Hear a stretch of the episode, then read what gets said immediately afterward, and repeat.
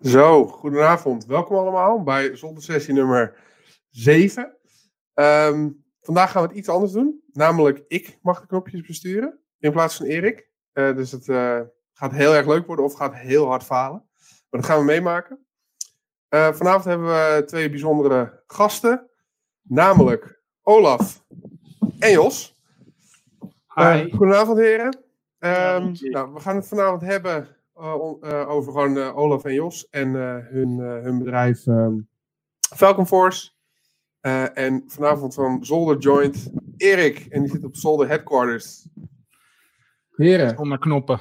Som ja, net is niet waar. Je hebt ook knopjes. Ja, oké. Okay. Ik, heb backup, ik heb de backup knoppen. Ja. ja, want ik ga sowieso straks vergeten een knopje te doen en zo. Ik zie nu al dat mijn slides niet in de goede volgorde staan. komt helemaal goed. Komt helemaal goed. Heren, welkom op zolder, moet ik dan zeggen. Thanks, Rick. Alsjeblieft, jongens. Hey, um, nou ja, uh, het vanavond dus hebben over, uh, over jullie eigenlijk. Maar um, ik wou voordat we daarover uh, gingen beginnen, wou ik eigenlijk aan jullie vragen hoe het bevalt om een bedrijf te starten in deze coronatijd. ja, we hebben al iets... Impact? Hè? ja, dat is, dat, is impact? dat is natuurlijk heel, heel, moeilijk vast te stellen. Daar hadden we toevallig vorige week over met Olaf. Mm -hmm. um, nou ja, ik heb natuurlijk iets voor de coronatijd begonnen. Ja, als, als beginnend ja, je hebt al wat ideeën over hoe je het zou willen gaan doen. En dan komt de corona eroverheen, dan lukt het wel of niet. Maar ja, heeft het impact? Uh, je hebt geen vergelijkingsmateriaal met tevoren. Dus um, uh, nee. so far, ja, ja, het grootste, de grootste impact is, nou ja, los van omzet en dat soort zaken, ook gewoon fysiek. Weet je wel? We ja. hadden allemaal ideeën, we gaan lekker bij elkaar zitten, uh, uh, bij elkaar op zolder. Bij de meeste mensen in ieder geval. Mm. Uh, en op een gegeven moment mocht dat natuurlijk niet meer. Dus dan ja, moet je ook creatief omgaan met je communicatie. dus wel heel snel had Jos het idee van we zetten gewoon in ieder geval een standaard meeting op waar iedereen gewoon in en uit hopt als een soort van koffiecorner. Zodat je elkaar in ieder geval veel kan spreken en niet alleen daar iets voor moet plannen, maar dat je ook even in vijf minuutjes uh, uh, iets kan afstemmen. Ja, en qua business, we hadden het geluk dat we in januari, februari en begin maart best wel actief zijn geweest, heel, heel erg uh, naar buiten toe. en dat een aantal mensen ook wel graag met ons wat wilden gaan doen. Dus in het begin merkten we het wat minder. Uh, en op een gegeven moment merk je wel dat iedereen heel erg afgeleid is uh, door Zoom, Teams, uh, Skype, weet ik wat ze allemaal intern gebruiken. en alles moet gepland worden, ook op die werkvloeren, weet je wel. Dus dat mensen die gaan, in plaats van dat ze even bij elkaar langslopen, dan zitten ze een half uur met elkaar in een teamsessie, vooral te bespreken hoe, ook vooral te bespreken hoe het dan is voor hun. En dus ja, de bereikbaarheid van mensen die gaat wel achteruit. Ik weet niet of jullie dat ook gemerkt hebben. Ja, maar ik heb niet die, die bereikbaarheid dan niet. Uh, maar wij merkten wel gewoon ook. Uh, we hadden klussen op locatie die niet door konden gaan uiteindelijk. Ja. Uh, dus dat, ja, dat, dat is heel makkelijk. En dan ook heel concreet corona gerelateerd. Maar ehm, we hadden ook eh, wel klanten die zeiden van... joh, kunnen we anders over een maand even praten? Want ik heb eigenlijk ik moet even kijken hoe we dit, hoe, of we onze doelen gaan bijstellen. Dus dat, dat had toch wel ook effect. Daar was ik er niet heel erg van onder de indruk zelf. Ik had niet zoiets van, oh jeetje, we gaan, uh, weet je wel, we gaan eraan of zo. Nee. Maar ik kan me wel voorstellen dat als dit dan, ik noem maar wat, stel nou dat je dus in, in die situatie zoals we dan helemaal in het begin zaten, als je dat een jaar volhoudt, dan wordt het wel heel lastig, denk ik. Ja, ja, wij hebben ook wel een beetje door zitten rekenen van uh, wanneer uh, moeten we ja, zorgen gaan maken en dat soort zaken. Heb ik eigenlijk wel maandelijks eventjes gewoon zien hoe gaat het nou met de omzet. En um, ja, eigenlijk, eigenlijk zijn we nooit echt op het punt gekomen van gewoon nu, nu hebben we wel een beetje een probleem. Dus gelukkig ging dat wel lekker. En je merkte wel dat sommige klussen inderdaad, we hebben één of twee die wat, wat uit zijn gesteld. Dat was echt net, dat zou net gaan beginnen rond die periode. Maar verder mm ja, wel wat klanten die wat langzamer besluiten, ook omdat ze even af willen wachten van hoeveel impact gaat dit hebben. Of ja, we willen ook niet, zeker voor de wat offensievere dingen, wilden sommigen misschien ook even nadenken over, gaan we mensen daar nu extra mee belasten? Ja, ja wat, wat, wat vind, eh, dat is wel een goeie. Wat vinden jullie daarvan? Een corona-gerelateerde fish als red teaming actie, of als, als überhaupt als awareness actie.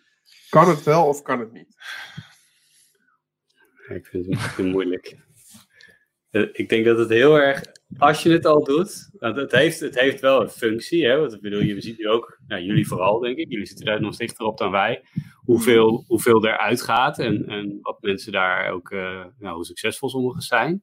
Mhm. Dus vanuit een soort van awareness perspectief zou ik het wel snappen. Vanuit een ethisch perspectief vind ik het wel wat moeilijker. Ja. En dan is die, die lijn is best wel dun. Weet je wel, wanneer, wanneer ga je te ver? En dat ja. Ja. Volgens mij kwam er ook ergens op Twitter, op Twitter eentje voorbij, toch? Ergens in Amerika of zo. Iemand Ja. dat gedaan. Wel? Dat mensen echt helemaal over de pis waren. Maar het was toen ook nog het, vrij eh, vroeg in het, eh, in het hele gebeuren. Weet je? Dat, dat, dat mensen echt een soort van in paniek eh, waren. Ja. En, Ja, ik- weet ik veel. ik denk dat je heel erg moet uitkijken wat je, er, wat je erin zet. Kijk, het is wel heel relevant. En als je, ja, als je echt een, een- een threat actor aan het simuleren bent, het, het zit wel in de toolbox die ze gebruiken. Maar je moet, ja, je moet denk ik heel goed uitkijken wat je er dan in zet. Dat je geen, geen onnodig paniek gaat zaaien of dat soort dingen. Ja, er is bij u corona ge, ge- Ja, nee, of een hele uitbraak op kantoor, eh, klik hier om het te laten testen. Ja, dat, dat misschien niet. Eh, Nou, het, is- ja, maar het is ook een beetje de vraag van wat wil je precies bereiken, weet je? Als, nou, ja, weet je, wat, wat, wat toont het nog meer aan dat iemand in een, in een coronavis trapt dan in een willekeurige andere vis? Dat is, ja, dan ben je denk ik al wel behoorlijk diep gegaan met al je activiteiten als je dat nog nodig hebt, zeg maar, om nog iets eh, te verbeteren of iets dergelijks, weet je wel? Ah, ik denk dat Ja. als je je fish ook eh, gaat, als, als het echt gaat om awareness, dan is het zaak dat je je publiek ook niet eh alienate. Hoe noem je dat? Alienate in het Nederlands? ja. Nou, in ieder geval, eh, om een mooi voorbeeld daarvan. eh, de, de, er is een, eh, een Nederlandse bank. En die had op een gegeven moment kerstpakketten afgeschaft. Ja. En die hadden toen, had het Red Team zoiets van... Ik heb fucking goede fish bedacht, gast. Dus dat, dat was ook meteen bingo. En die hebben toen, zeg maar, het hele bedrijf in mensen van... Jongens, het kerstpakket gaat wel door. Log hierin en dan mag je je kerstpakket uitzoeken. En dan ja, weet je wel, dat was zo'n rel. Dat kwam op nu.nl. ehm, de raad van, eh, of nee, hoe noem je die ook weer? De eh, OR, ondernemingsraad, die, eh, die vond er ook wat van. Die werden kwaad en het personeel is kwaad. Nou, kijk, en het, het kan natuurlijk aan de ene kant zijn van, nou, ik, ik had als doel om iedereen te schofferen en al mijn collega's boos te maken. Maar waarschijnlijk was het doel iets van, ik wil ze wat leren over bedreigingen, over risico's. En ik, ik wil daarna iets zeggen over onze weerbaarheid. En, en eh, ik wil dat het personeel goed oplet. Ja, en ik denk dat dat verhaal gaat niet meer op. Ik bedoel, iedereen, je bent iedereen kwijt. Iedereen is gewoon kwaad en wil helemaal niet luisteren naar... Je moet altijd je muis over een link houden voordat je erop klikt. Weet je wel? Nee, ik wil je bloed drinken. Kom hier. Dus, Ja. dus, dus ik denk dat... eh, ja, persoonlijk ben ik heel erg eh, van de... meer, meer een andere aanpak. Gewoon als je, kijk, als het natuurlijk gaat om een aanval en je wil die zo goed mogelijk simuleren, kan ik me voorstellen dat je hem iets meer prikkelend maakt. Dat je net even, maar ja, te prikkelend en dan eh, gaan mensen erover praten met elkaar. En dan voor je het weet, eh, eh, levert dat weer op. Ja, het ligt ook aan hoe groot je aanval is. Hè. Als het een heel klein groepje is wat je target, dan, dan is die vaak al best wel prikkelend voor die mensen in ieder geval.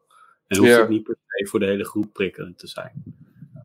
Nee, Het is, er zitten zoveel factoren ook aan zo'n red team. Dat kan Jos waarschijnlijk beter vertellen. Maar kijk, een klant, een klant vindt er ook iets van. Eh, en die willen soms ook iets doordrukken van nee, het moet gewoon wel dat zijn, want dat eh, is een goed idee. ja, Eh, dus, dus het is ook niet altijd de red teams schuld helemaal. Ehm, kijk, ergens kan je natuurlijk ook zeggen van nou als je het per se zo wil, doen we het niet. Maar dat, ja, dat, die, dat moet het best ver gaan.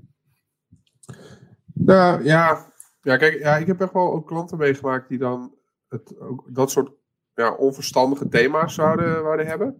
En die probeer je natuurlijk al altijd te adviseren. Maar ik geloof niet dat ik Ja. ooit echt meegegaan ben in, in echt eh, dat soort ideeën. Bedoel, we hebben ook één keer een klant gehad die, die had na de fish, die was best succesvol, dat was echt iets van 40 of 50 procent succesrate. Dus dat was gewoon te, ja, dat was te hoog.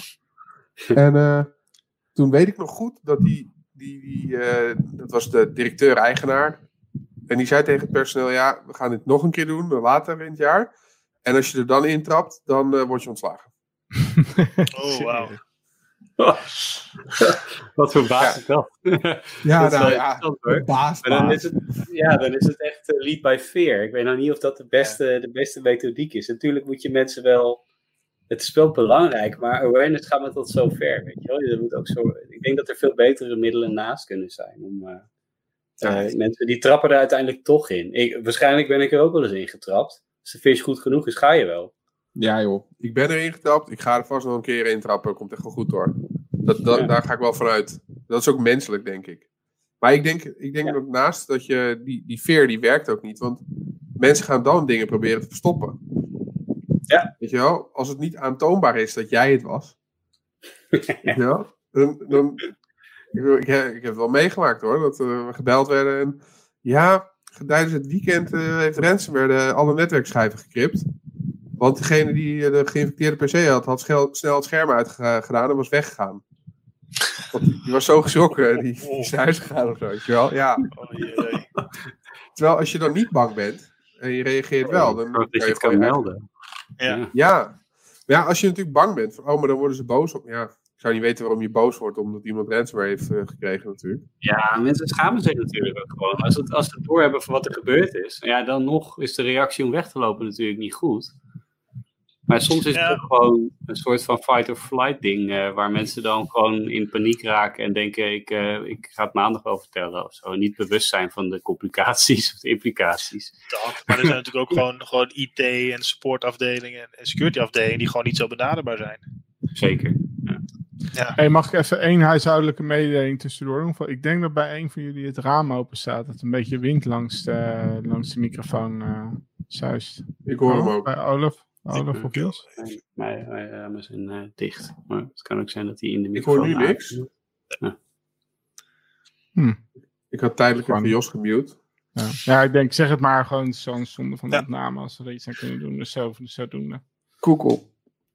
Logisch. Nou ja, ehm, denk dat eh, dus dit item ook gelijk gewoon goed afgesloten. Ehm, lijkt me leuk om, eh, om eens te beginnen en eh, met, met jullie leren kennen. Om het daarna te hebben over jullie, jullie bedrijf. Want eh, Falcon Force is groter dan Olaf en Jos. Dus ik wil eigenlijk met, met Olaf beginnen. En ik had eigenlijk gevraagd van jou, hoe ben jij ooit InfoSec ingekomen?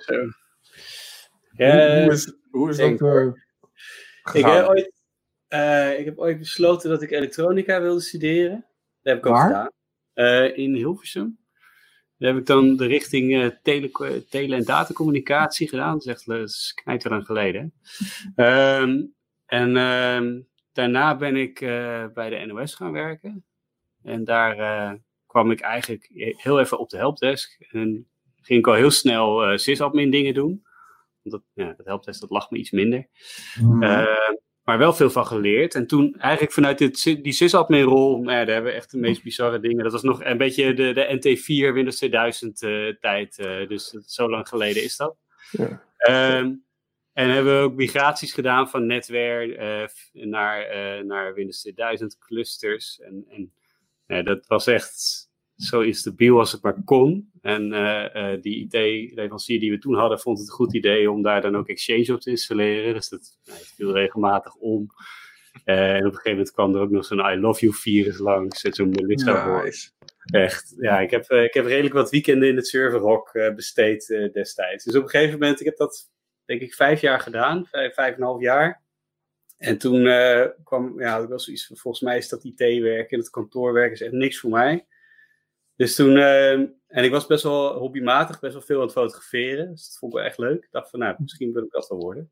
Ja. Ik was eigenlijk wel van overtuigd. Dus ik heb me ingeschreven op de kunstacademie. Toen ben ik ook toegelaten. Dus toen heb ik mijn baan opgezegd en een huis gekocht.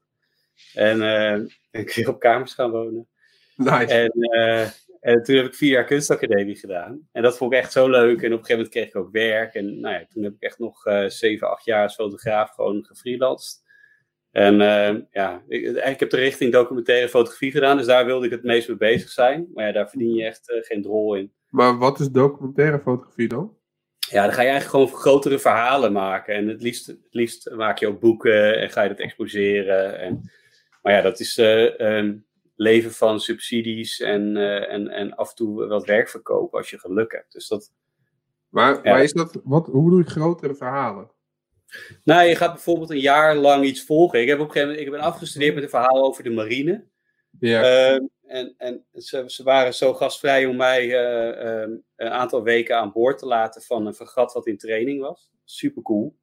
Echt super gaaf eh, eh, om gewoon tussen die mensen te mogen, te mogen rondlopen. En ja, ik mocht bijna alles fotograferen. Waren wat dingen die off-limits waren op dat moment. vanwege ook wat incidentjes die waren geweest als er alcohol was. Dus ze mochten nooit drinken op de foto en allemaal van dat soort dingen.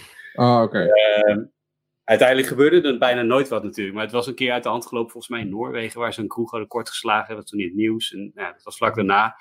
Je hebt allemaal van die getrainde gasten, die kunnen ook zo goed slaan dan. Ja, ja, dat, ja het, zijn, geen watjes. Nee. Dus het, uh, dat was, het was sowieso super vet. Dus daar, ik, ik, had daar een verhaal gemaakt over hoe dat leven dan aan boord is. Want het is natuurlijk, je zit de hele tijd op mekaars lip. Dus die community is best wel hecht. En zodra er maar een irritatietje is, dan oké, iedereen bij elkaar uitspreken en, uh, en weer door. Dus die, ja, het is best wel heel, uh, best wel persoonlijk. Dus ik wilde juist die, die macho kant niet belichten, maar meer die, die mensenkant. Uh, en of dat gelukt weet ik niet. Maar daar, meer, meer dat soort dingen. Dus meer aan de achtergrond. of gewoon dingen laten zien hoe, hoe het leven, het normale leven in een of andere afstandse arbeiderswijk in China kan zijn. Of, weet je wel, dat soort dingen vond ik interessant. Ja. Dus ik ben op een gegeven moment ook naar India vertrokken uh, om, een, om een film te gaan maken. Maar dat liep helemaal de soep in, omdat mijn hart weer uit elkaar viel van de hitte. En dus op een gegeven moment een soort van niks bereikt teruggekomen.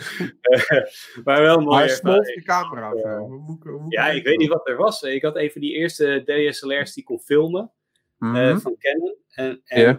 ja, daar, die kon daar ook niet gemaakt worden, uh, want dat was nog te nieuw. Dus dan moest ik hem opsturen naar Nederland. En dan moest ik een maand of twee wachten. Ja, dat, dat schoot echt niet op. Nee. Uh, ik had net alles geregeld met, met die lokale bevolking, wat ook al best wel uh, de nodige tijd kostte. Mm. Ja, dan kon, kon, het niet. Nou ja, was allemaal moeilijk. Dus op een gegeven moment dacht ik, ik ga wel terug, want ja, ik was al mijn spaargeld daar een beetje aan het opeten. Dus toen ben ik teruggekomen en weer gewoon verder commercieel werk gaan doen, wat ik daarvoor ook deed werkt heel veel voor nou ja, allerlei corporate bladen, uh, portretten maken of uh, kleine rapportages, modeshows, echt van alles. Superleuk. En op een gegeven moment uh, zit je dan ergens zo rond 2008, 2009. Nou, toen zijn er wat dingen in New York gebeurd, waardoor er ook een hele financiële crisis en zo erachteraan kwam. Um, en op een gegeven moment gingen al die budgetten best omlaag. En, en nou, ging steeds maar omzet, die halveerde ongeveer per, per kwartaal. Dus op een gegeven moment werd het wel een beetje krap. Dus toen dacht ik van, nou ja, ik heb ooit uh, dat netwerkbeheerder gedaan. Laat ik even een baan nemen om even weer wat spaargeld op te bouwen, zodat ik weer verder kan. Dus toen kwam ik bij een managed hosting partij terecht. En uh, ja, dat was firewall security man. En daar ben ik op een gegeven moment meer de security kant in gegaan. Allemaal instant response dingen. heel breed. Super cool. echt wel een toffe kans dat ze me die boden. Want ja, het was voor hun ook wel gok, denk ik. Na mm-hmm acht, negen jaar ja, weinig hands-on ervaring. Maar dat ging eigenlijk Ja. heel lekker. En vanuit daar ben ik eigenlijk veel meer die security kant in gegaan. En ja, nu ben ik hier. Dus, uh, er zitten nog wel wat banen tussen, maar uh, ja, superveel geleerd. Maar steeds. altijd security jobs gehad daarna ook? Of ook gewoon nog uh, gedeft? Nee, nee, ik ben nooit echt een hele goede dev geweest. Ik ben heel goed in, Ja, oké, in- maar beheer. bij elkaar plukken. Maar nee, het is eh, vooral, vooral wel echt eh, eh, security en dingen bouwen. Dus ik heb ook nog wel echt grote netwerksegmentatieprojecten gedaan. En eh, ja, network access control, firewall eh, migraties, allemaal van dat soort dingen. Dus wel vanuit de security bril. Mhm. Eh, dat was nog wel redelijk hands-on tech. En Ja. daarna eigenlijk ben ik veel meer in die security operations centers terechtgekomen. En eh, eh, veel meer die, die echt die analyse. En nou toen ben ik ook tooltjes gaan bouwen. Omdat ja, sommige van die producten gewoon niet helemaal waren wat ik ervan vond eh, dat het zou moeten zijn. Ja, dus, Wat dus een, een beetje. wat een heerlijk politiek correct antwoord. Ja. Ja. Ik weet niet of ze naar kinderen kijken, hè, dus dan mag je geen eh, slechte woorden gebruiken. Het is toch vroeg? Eh, ik heb begrepen dat na de afgelopen podcast onze eh, rating naar R is eh, opgehoogd. ah, mooi. Ja, dat- Rick, Rick die zei iets eh, van Duck. Oh, Ik moest, Ja. ik, moest er, ik moest er Duck van maken. Dan, Echt waar? ja, heb je die daar andere zegt. als je dat andere zegt, dan krijg je een eetje. Echt? Echt? Van YouTube. Met explicit. eh, ja, Maar dan- doen ze dat detecteren of zo? Ja. Vast wel. Ja, nou ja, dat is Hallo, hey, welkom uh, in de 21ste eeuw. Oké, ik vind het vet dat dat automatisch kan. Fucking ja, vet. Als ze teksten kunnen herkennen, kunnen ze dat woord er ook wel uithalen. Ja. Hij zegt het. Hij zegt het weer. Ah, nou, we hebben weer de E. video gedemonetized. En, en na 20 ja, minuten scoren ze de E. nee, dat is niet waar. Ik heb al eerder, ik had het al eerder gezegd. Ergens aan het begin. Echt na drie of vier minuten. Dus het ging, het ging, het ging hem nooit worden. Ja, dat zit er wel in, ja. Nou, aan de andere kant, wil je nou echt reclame voor Disney Princess producten vlak voor je YouTube filmpjes? Nou ja, is het uh, betaald. Sorry. Geitje. Maar, uh, nee, maar dit is wel leuk. Uh, het is wel grappig dat eigenlijk. Ik denk dat als je iedereen deze vraag stelt. In deze, dit soort podcasts. Dan, dat er altijd wel opmerkelijke antwoorden komen. voor wat, wat de reis naar security is geweest. ja, ik denk dat het ook een beetje een leeftijdscategorie is. Toen ik, toen ik naar school ging. of naar de, nee, weet ik veel. ging studeren. Toen ja. had je dat niet echt. Toen ik elektronica deed. Toen dacht ik op een gegeven moment van ja, eigenlijk eigenlijk kwam ik er na anderhalf jaar wel achter dat het ook niet helemaal was waar ik mijn toekomst in wilde maken. Met allemaal dingen solderen. Superleuk als hobby, maar niet als werk, vond ik zelf. Mhm. Uh, sorry, Alice. En uh, die. Uh, ja, ik, andere ik, generatie. Ik, ik, word wel super enthousiast van de passie van die gast hoor. Het is mooi, maar ik, ik valt al veel meer aan die computerkant. Maar toen wilde ik ook switchen. En dat, ja, dat was nog niet echt zoiets. Dus. Hoe oud ben jij dan? Ik word uh, 40 dit jaar. Oh, je wordt 40. Nou, dat is, uh, dus op ja. zich, ja, ik ben niet super oud, maar er waren niet uh, echt opleidingen veel in die richting op dat moment. En ik weet ook niet ja, of dat... IT of security? Ik ben, ik ben wel blij hiermee. Ja, security meer. Of da, ja, en ook wel echt goede... goede goede opleidingen. Die kant op. In ieder geval wat me toen aansprak niet, weet je wel. En dus ik ben gewoon doorgegaan en ik eigenlijk, doordat ik overal een beetje uh, aan heb gezeten, is ben ik wel heel blij mee. Want daardoor is, ik snap hoe een enterprise netwerk in elkaar zit vanuit de IT-kant, maar ook vanuit de netwerkkant. Uh, ik heb heel veel met Windows moeten werken, heel veel met Linux moeten werken. Uh, op allebei de platformen uh, gewoon ja, wazige problemen gehad of echt breaches moeten uitzoeken.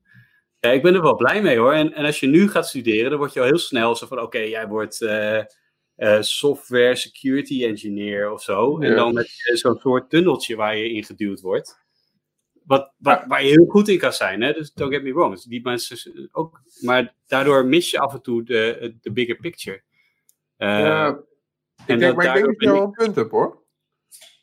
Want um, uh, ik kreeg ook heel veel uh, jongens die dan bij Deerwijd stage wouden lopen. En die zeiden dan, ja, ik wil pentester worden.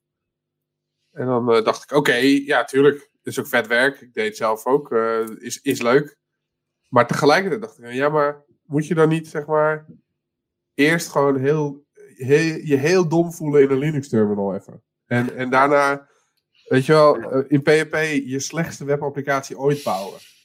Dat, ja, het hoort er, naar mijn gevoel ja. toch wel een beetje bij. En ik, ik had, weet ik zeker, als ik naar school was gegaan voor een security baan of om pentester te worden, dat ik het niet gehaald had. Dan had ik nu ergens uh, Nessus uh, scanboer uh, geweest, dat weet ik zeker.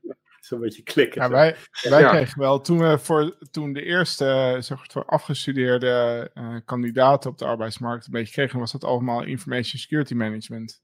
Ja. Wat, we dan, wat ze dan gedaan hadden. En was het eigenlijk nog steeds niet goed mogelijk om, om aan de hand van ja, de opleiding of zo te doorgronden van wie ben jij eigenlijk, wat kan je echt? Omdat ja. het echt zo'n ontzettend algemeen, uh, ja, een beetje ISMS-achtige um, ja, meer wat ze opleiding is. Uh, wat ze s'avonds doen, waar ze gepassioneerd van worden. En, dan kan je een beetje, en dat is überhaupt goed, hè? Uiteindelijk, ja, de opleiding helpt wel. Um, oh, maar uiteindelijk is het toch gewoon vooral je, je, je passie volgen. Want daar, daar word je goed in. Tenminste, dat is vanuit mijn beleving. Voor sommige mensen werkt een opleiding heel erg goed. Ik, uh, bij mij werkt het beter ja. om gewoon uh, uh, vijf avonden te frustreren en te snappen hoe het werkelijk werkt. Um, maar ja, dat is, dat is heel persoonlijk, denk ik. Ja. ja, ik denk dat je op zich wel. Dat, dat, ik weet nog dat ik toen, toen ik zeg maar de computer-idee thuis kreeg, nog, bij mijn ouders thuis vroeger. Wauw. Ja, ja. ja. Daar heb ik mijn eerste website meegemaakt, jongens. Met Netscape Navigator. Het was geen eens HTML kloppen, dat was in elkaar klikken. Um, en daarna HTML kloppen. Maar ik weet nog maar wel goed. je wel geregistreerd bij, uh, bij Ask Jeeves? En bij... Uh, nee, maar ik had wel een .tk-site. Ik had een oh, .tk ja. en het ligt gehost op, ah, dat weet ik niet meer. En ik had dan grappige plaatjes op mijn website. En die had ik dan, ik kon geen galerij bouwen, dus dan had ik al mijn plaatjes in een marquee gedaan. Dus uh, dan kwamen ze gewoon zo achter elkaar voorbij. Dus ik had wel een galerij, maar je kon niet slepen. Oh, dat jij dat? ja, ja. Gekkeplaatjes.tk, had je die uh, ja. Uh... ja nee, maar, maar ik denk inderdaad dat... Um, hij bestaat niet dat als je... Hm? Jullie zegt dat hij niet meer bestaat. is under construction. Nee? Oh. maar um, nee, wat ik bedoelde was, zeker met die opleidingen... Uh, als ik toen... Toen las ik op een gegeven moment over virussen en hackers en computers. En toen dacht ik, wauw, dat wil ik ook. En vervolgens heb ik elk virus dat je kon downloaden, waarvan ze zeiden dat het een hacktool was, heb ik mijn ouders PC mee geïnfecteerd. Als een soort, soort ja, lekker hoor. en uh, al die andere. Ja, en dan netbus draaien, terwijl netbus zelf ook weer backdoor spannen. Dat is verschrikkelijk. Maar ik snap het ook niet. Ik, maar ook echt niet, zeg maar. Um, maar als ik toen wat meer instructie had gehad, had ik wel daar verder in gekomen. Dus ik denk dat een opleiding dat wel kan. Maar het is ja, wel heel moeilijk. Ja. Want, zoals die jongens die een ISMS, ja, ik denk dat die opleiding. Uh, ach ja, inderdaad. Wacht. Heel even. Kun, kunnen jullie dit niet. Ah, nee, te langzaam. Uh, ik deed het verkeerd. Ja, nou, en, en, tegelijkertijd, kijk, het is makkelijk ook wel uh, vanuit mijn kant om een beetje te haten op dan die opleidingen. Maar het is, ik, ik heb heel veel respect voor die mensen die die opleidingen maken überhaupt. Het lijkt me echt super lastig om een curriculum van vier jaar ja. Van wat ga je die gasten leren dan? Want er zit natuurlijk, uh, je kan hele bevlogen docenten hebben die echt wel snappen hoe het zit en, en een heel tof idee hebben. En dan komt er zo'n onderwijsraad of zo'n onderwijscommissie en die zeggen ook van ja, hé, maar ja, ze moeten ook wel gewoon een boek lezen en een scriptie schrijven over. Ja. dus al die regeltjes die daar weer bij zitten. Ik denk dat het, dat makkelijker lijkt om het goed te doen dan dat het werkelijk is. Nou, ik denk dat het ook heel moeilijk is hoor. Maar ik, dat, uh, nou, kijk, ik denk in het geval van bijvoorbeeld zoiets als IS, eh, ISMS, de naam zegt het al. Zeg maar, de, ja. hè, Security Officer Information Management, CISP, terug. Uh, ik bedoel, super, zoiets, weet je wel. Maar dat, dat, dat stond al gewoon in de, in de instructie. Je hebt, je hebt ook opleidingen die daar een stuk dieper op gaan. hoe heet die ene? OS3 bijvoorbeeld. Ja, nou, ja, daar is fucking vet. wel collega's van gehad die dat gedaan hebben. Die, die kunnen echt dat. Ja, ja, nou, kijk, maar dat, dat is eigenlijk, dit, dit zegt het al. Maar ik heb toen, ik heb heel jaloers, uh, ik had een collega bij uh, en die kapte ermee. En die ging dus OS3 doen. Dus die, die stopte helemaal met werken en die, uh, en die had gewoon een vaste baan, zeg maar. En daar was ik echt kak jaloers op. want ik dacht van ja, ik wil dat ook, weet je wel. Dus ik ben ook het curriculum toen ingedoken. En nou, het, is wel, het is wel gewoon heel erg vet om, om, om te zien dat je gewoon echt de basis leert. Want het was ook niet van, oh kom hier, jeetje. Tot Sisfree. Oh, nou, sorry Stefan. ja. Ik bedoel, nou ja, studeren daar serieus hard voor. Uh, nou ja, het is ook, en het heeft ook wel waarde. Dat, uh, dat al ken ik ook helemaal niet. Dat je gewoon heel erg veel geld per jaar moet betalen voor, voor, voor die organisatie in stand te houden. Want die, ja, goed, laten we daar maar niet tegen gaan. Nee, nou oké. Okay. Jij ging thuis ook Nee, nee, ik heb dat allemaal zitten bekijken, maar dan echt DNS en... Uh, Mm. Um, we hebben gewoon een samenvatting gelezen en dacht, ja, ik weet het, ik ben, ben klaar. Nee, oh nee, zeker niet. Maar wat ik juist zo vet vond, het was niet van, oké, kom hier en dan leer je een of andere zieke aanval, bla bla. Nee, gewoon letterlijk, oké, weet je wat DHCP is? Ja. En dan niet van, oké, ja, dan draai ik DHCP en dan werkt het. Nee, hoe werkt het? En dat met bijna alles. Toen dacht ik, ja, weet je wel, gewoon, en dan, maar wel met de security component, security uh, blik erop. Ja, maar ik, ik denk dat het veel waardevoller ook is als het gaat om van wat voor soort mensen komen er vanuit een opleiding de, de arbeidsmarkt op. Dus als ze dat soort kennis dus hebben, dus gewoon eigenlijk uh, meer algemene uh, kennis over echt uh, van hoe, hoe werkt het nou eigenlijk echt achter de schermen, achter die touchscreen die ik tot nu toe heb gebruikt, zeg maar. En dan en de vaardigheid aanleren om zichzelf te verdiepen. Weet je al? Weet je, hoe, hoe ga je um, hierna doorleren zelf? Weet je, hoe ga je jezelf leerzaamheid vergroten?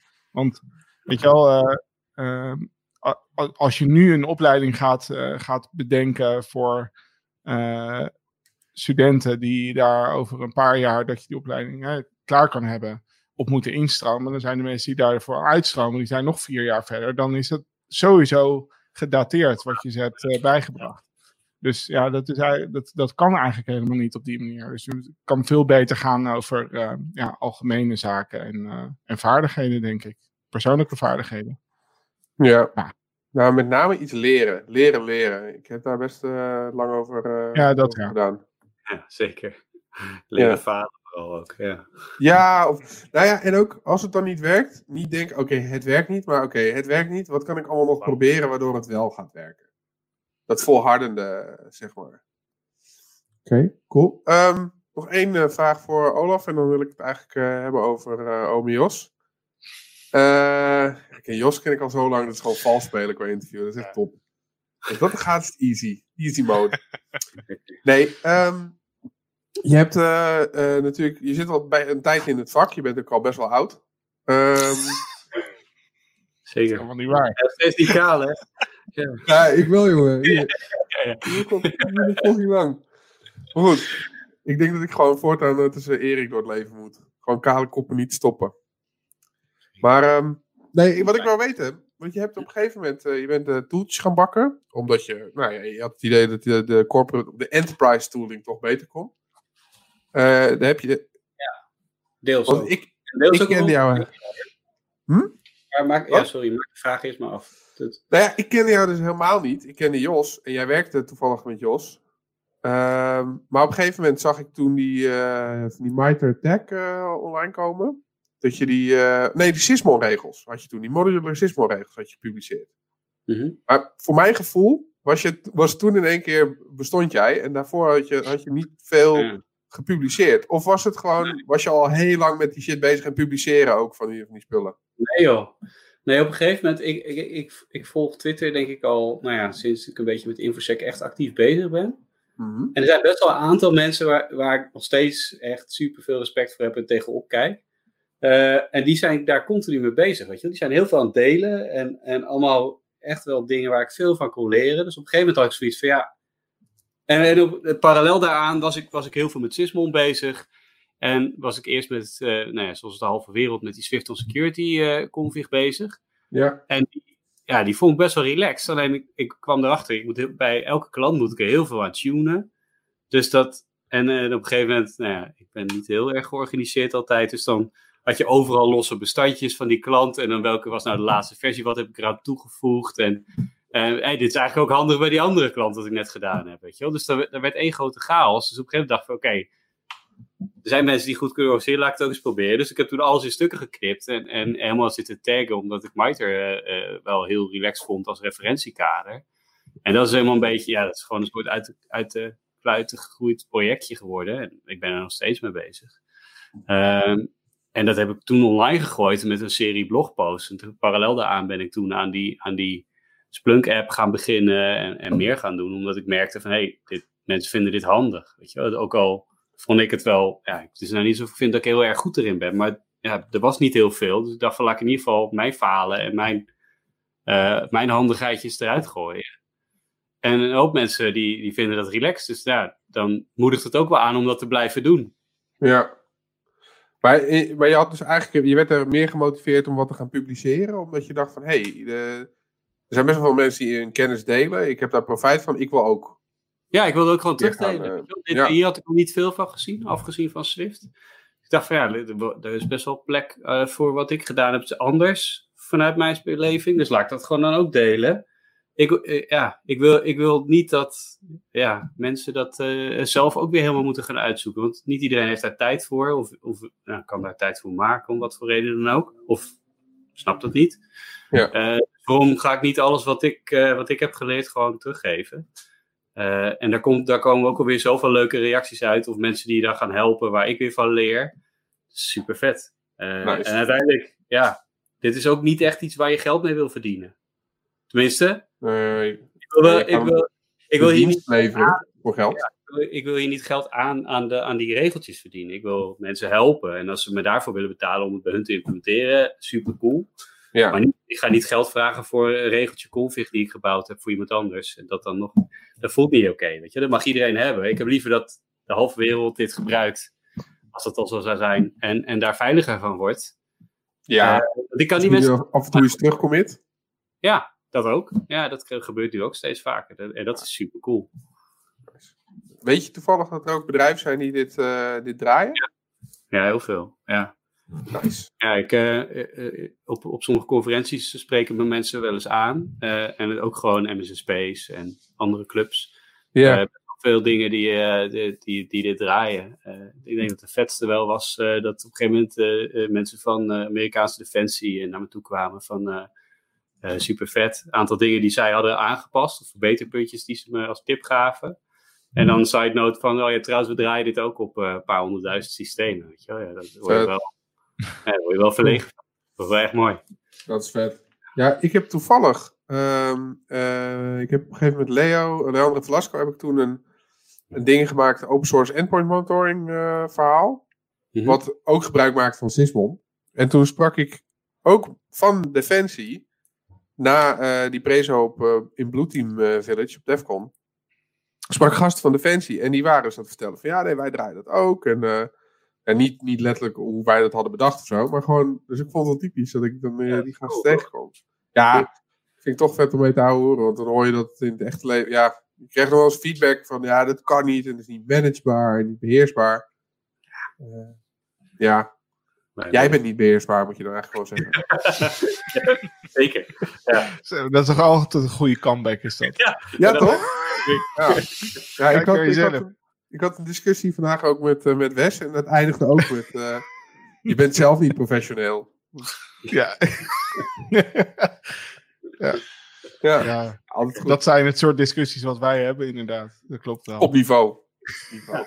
Ook, moet ook. Op de zolder. Op zolder ook. Zeker, ik zit er. Oké, nou tof. Ehm, dan wou ik eigenlijk door eh, naar eh ome Jos. Jos, wij kennen elkaar al, al echt al eh, heel lang. Eh, jij was Ja. ooit mijn mentor, volgens mij, op, Ja, eh, ja.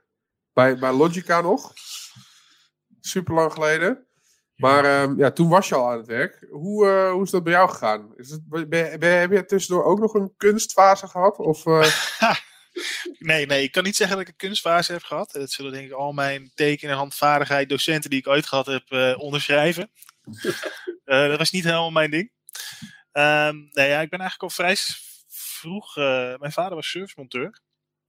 En ik kwam echt toen ik tien of twaalf was of zo. eh weet niet meer precies al een keer met, eh, met, de, met de computer thuis. Die was overgebleven bij een klant. Die ging weg. Was vervangen van: joh, wil jij een computer op je kamer? Vet. Ja. was mijn vader ook chill, want zat ik niet steeds op zolder achter zijn computer. Hm. Ehm, maar daar is het eigenlijk ja, allemaal een beetje begonnen. Ehm, nou, wat voor computer was dat? ja, dat was nog een 2 of een 386. Met zo'n hele fijne rode schakelaar erop. Dat vergeet ik echt nooit. Die mis ik nog steeds. Klik. Echt zo, klik. Ja, ja. ja dat, dat was een mooi spul, man. Dan wist je dat het aanging. Ehm, Nou ja, die, die PC Active waar je het over had, computer ID, computertechniek, dat soort bladen allemaal eh gehad toen ik jong was. eh, wat ouder, doorgelezen. Ehm, nee, geen fase naar, eh, naar, naar kunstacademie. Ja, gelijk technische informatica gaan doen, Alkmaar.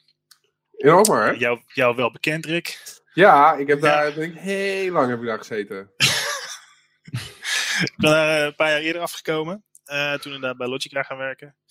Ehm, tussendoor heb ik nog in Beverwijk op de bazaar. in de- toen, toen was er nog een computermarkt. Die is er niet meer. Maar eh, Ja, ja, daar heb ik nog een tijdje computers verkocht, maar ook gerepareerd. Dus kwamen mensen met een oude PC aanstellen. Maar doet het niet meer. Nou ja, openmaken, kijken wat is er aan de hand. Moet er gefixt worden en zo.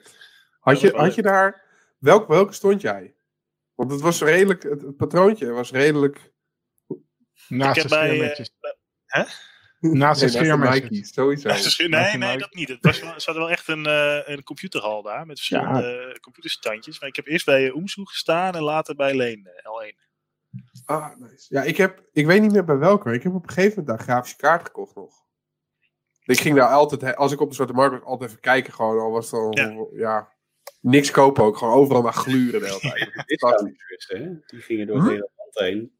Dat ook die PC discountbeurzen, die gingen dan echt, ja. weet je, overal. Dat, dat heb ik uh, een paar jaar gedaan. Het hele land doorcrossen elk weekend om dan zo'n stand op te bouwen en die, en die spullen te verkopen. Oh, wat vet. Super lachen. Ik wou, ik wou altijd een baan met, waar je kon computeren, maar ik kon die nooit vinden. ik moest altijd handarbeid doen. Dat is verschrikkelijk. Ja, nee, dat, is wel echt heel goed gezocht dan, Rick. Nee. nee ik was, in alles wat ik vroeger was het altijd half bakken. Ja. Maar, eh, ja. ja, dat is een beetje. Um, technische informatica daarna inderdaad bij, uh, bij Logica aan de gang. Uh, ja, gewoon als, ja, hoe noem je het? Heb je daar stage gelopen? Ik heb stage gelopen bij Deltaloid. Um, dus niet bij Logica. Uh, Uh, bij, uh, bij Logica aan de gang gegaan. Daar uh, ja, gewoon als ja, noem het consultant, software engineer. Software engineer aan de gang. bij een OV-bedrijf. Om ja, gewoon hun te helpen met, met de systemen die ze hadden. Ze hadden wat, wat issues met de systemen. En daar ze zouden een nieuwe software release krijgen. Die moest ik even helpen testen. En daar ja, toen 2,5 jaar blijven hangen. Totdat het allemaal een beetje op orde was. Ja, ja, zo gaat het dan, hè? Yeah. heel veel changes doorgevoerd, leveranciers houden hoe het uitgezocht. Wat gaat er nou mis? Uh, database gerestored. Uh, echt, echt, van alles tegengekomen daarin. Dat was wel heel, heel interessant. maar na 2,5 jaar draaide dat allemaal wel. Toen, ja, toen was het voor mij de lol er wel af. Ik ben niet iemand die, die gaat zitten kijken dat het allemaal draait. Dus ik ben op zoek gegaan naar een andere klus. Uh, een tijdje bij een facilitaire dienstverlener wat uh, eh, VB-programmeerwerk gedaan, omdat er iemand met zwangerschapsverlof ging, moest opgevangen worden. Uh, nice. Ja, weet ik niet VB6? Heel, ja, ja, een smaak van VB6, ja. ja. Het was in HP Peregrine, voor, voor, voor de kenners. ja, nee, nee. Ik weet niet weten, ik. Lauw idee. Daar word je niet gelukkig van. maar ja, ook dat gedaan, maar dat was niet helemaal mijn klus. Niet leuk. Um, toen kwam ik terug. Ik zat nog steeds Logica Datashader. En uh, toen hadden ze net een cursus lopen voor een uh, project waar ze code reviews gingen doen. Dus van, uh, nou ja, je zit toch op de bank nu, dus niet in de zomer, even geen klus voor je. Ga maar even een weekje meelopen met die cursus. Dus ik daar aangehaakt. En vandaar eigenlijk de code review kant echt opgerold aan het begin van de cursus zeiden ze van, uh, ja, let op, je mag alleen maar meedoen omdat er plek is, maar het project is al gestaft, uh, bla bla. Yeah. Dus maandag erop hing de manager aan de lijn van, ja, wil je misschien toch meedoen, want uh, je deed het eigenlijk wel goed op de cursus. Nice. Dus, ja, dus daar code reviews gaan doen bij een grote bank. En dat is ook waar Rick er op een gegeven moment ingerold is. Was jouw eerste project bij Logica, Rick, of niet? Ja, ja, ik liep stage toen bij uh, Working Tomorrow heette dat. Uh, dat was gewoon, dat, dat was, uh, was wel typisch. Dan had je stage, maar dat, dan wouden ze dat een soort van concentreren. Dus daar hadden we er een afdeling van gemaakt. Dus alle stagiairs zaten ook bij elkaar. Die werden een soort van, dan had de business er niet zo last van. Dus dat was ook super gezellig. want wij zaten met z'n allen soort van op één afdeling. Dat vet. Daar heb ik me echt uh, kapot uh, vermaakt. Maar dat was mijn eerste klus. Was, ik was toen aangenomen en ik zou over een week of zo beginnen. Toen kwam ik jullie, jou tegen, samen met Michael, Michael Tom Sang. op een, ja, hoe noem je dat? We kwamen één keer in de zoveel tijd bij elkaar. Met, met het team, s'avonds. Ja, ja. En daar, daar, was ik toen ook bij. En toen, toen vertelden jullie wat jullie, wat je aan, jij vertelde wat je aan het doen was. Dan weet ik nog, ik weet nog heel goed. Zeg gewoon, vet, mag ik meedoen? En En toen was maar, nou ja, ik weet je, ja, misschien wel. En echt, uh, volgens nog voordat ik was gestart, officieel was gestart, uh, had ik, kon ik aanhaken met het team. Dat was echt fucking vet. Ja, ja dat was wel cool. Het was voor een, voor een Nederlandse bank met ook vestigingen in het buitenland. En verschillende plekken in Europa geweest, zelfs in Amerika geweest, om daar op locatie code reviews te doen. Er waren gewoon een aantal leveranciers die wilden de code niet opsturen. Dus nou ja, hè, als uh, okay, de berg niet naar Mozen komt, dan komt Mozen naar de berg. Ja, dus, uh, oh. ja. ja, dat hebben we ook nog met z'n allen gedaan toen. Ja, met Michael erbij. Uh, Michael. Met Michael nog naar Polen inderdaad. Ja. Dat was vet. Ja, ja, dat was wel cool. Zaten we op een gegeven moment... Was Warschau? Kakao? Krakau. We vlogen op Warschau en dan van Warschau met een met een proppen vliegtuigje naar Krakau. Oh, lekker. Volgens Ja. mij. En het, ik weet nog goed dat het zo hard vroor, dat, eh, want in onze huurauto lagen van die rubber matten. En dan 's ochtends kon je de rubber matten, er zaten van die vierkantjes in. Dan had je gewoon ijsklontjes die er, Ja. eh, die je eruit kon slaan. Ja, maar de auto wilde ook echt weer starten op een gegeven moment. Nee, dat duurde dan, die moest je voor, voor laten verwarmen. En dat duurde niet seconden, maar minuten. Dat was echt Ja. top. Ja. Dat was echt... Ah, Dat was daar... slechtste reistijd ooit, eh, echt. Oh, ja. Ja, maar ja, ja dat weet ik had- had- goed. Dat was iedere keer raken, inderdaad. Ik heb toen in Amerika gezeten toen die eh, vulkaan in IJsland ontplofte. Dat was eh, heel interessant. Hoe lang heb je daar toen gezeten?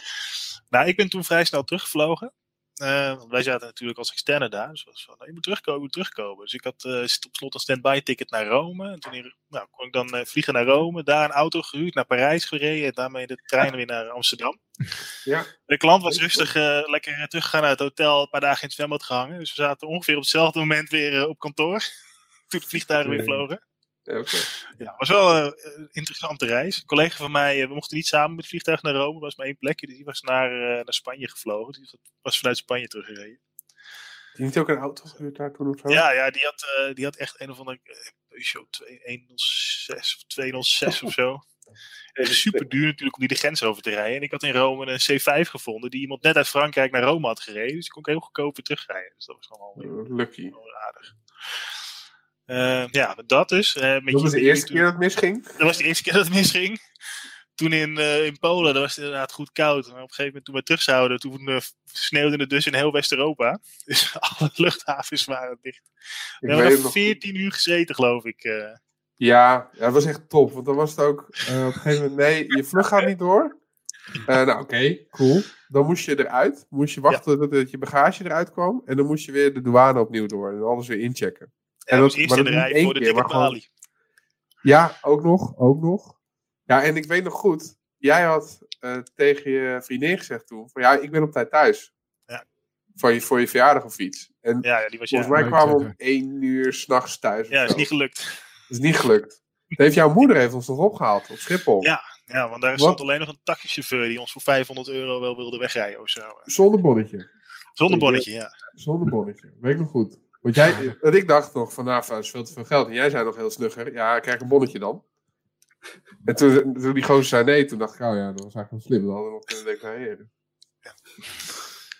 een avontuur was dat weg. Maar Ja, goed, dat, ja, was, ja. dat was echt je eerste, want daarvoor had je dus vooral devwerk gedaan.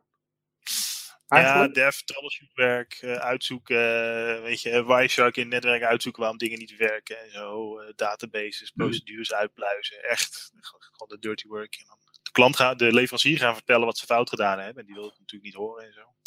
Hm. Ja, dat was, was wel grappig. Ehm, ze, ze waren niet zo goed in SQL, dus ze hadden echt een, een of ander mega rapport gebouwd eh, op basis van allemaal geconcatenated strings. Dus je database server. Nee, DBMS kan er helemaal niks mee als je gewoon on the fly allemaal strings zit te concatten. Het heeft waarschijnlijk ook superveel SQL injection ingezeten. Daar was ik toen nog niet mee bezig. Maar Nee. ik heb dat ooit eh, opnieuw geïmplementeerd in Access met een ODBC-koppeling. En dat, dat, scheelde, dat ging echt van, van een rapport wat 20 minuten liep naar 10 seconden of zo. Dus het was echt dramatisch. De klant was wel blij, de leverancier niet zo. Maar, ja. Dat is Ehm, een goede verhouding, toch? ja, ja, precies. Eh, ja, maar dus heel veel troubleshooting. eh, ook wel wat devwerk, ja. We hebben daar nog in, eh, in C, C, nee, C++ met Qt nog een hele server opgezet. Omdat de leverancier alleen maar een desktop applicatie neer had gezet wat steeds werd weggeklikt. Dat deed hij het niet. Er was geen historische data en zo. Een hele ding neergezet, inderdaad. Ehm, nou ja, goed. Die code reviews. Daarna op een groot project gekomen. Groot implementatieproject eigenlijk. Van een financieel systeem, een subsysteem.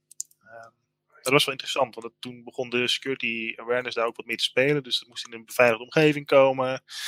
Eh, er zat allemaal eisen aan eh, dat je eh, met 2FA moest inloggen. Mensen hadden geen wachtwoorden. Het moest dus allemaal of met 2FA of via delegation. Dus nou, moesten de klant, de leverancier, hè, met SAP heel erg eraan gewerkt om de Kerberos allemaal voor elkaar te krijgen. Maar uiteindelijk allemaal gelukt. Dat is wel heel erg leuk. Om te doen, is ook, ook weer een, eh, een, een ja, Global Go Live. Een groot Nederlands bedrijf. Ehm, ja, SAP boekhoudsystemen, dat moet het hele jaar hetzelfde. Dus als je je window mist om live te gaan, dat betekent dat je een jaar later live gaat. Uh, maar dat is gewoon netjes op tijd live gegaan. Ja, ja, ja. Maar dat was in ieder geval daar zo. Ik, ik ben geen boekhouder, hè. Ik, ik, heb de technische implementatie gedaan, maar dat was het verhaal wat ze erbij hadden. Van als we dit window niet halen, dan kunnen we pas volgend jaar live. Het klinkt, het klinkt toch dat je gewoon dingen kan migreren of zo. Ja, goed.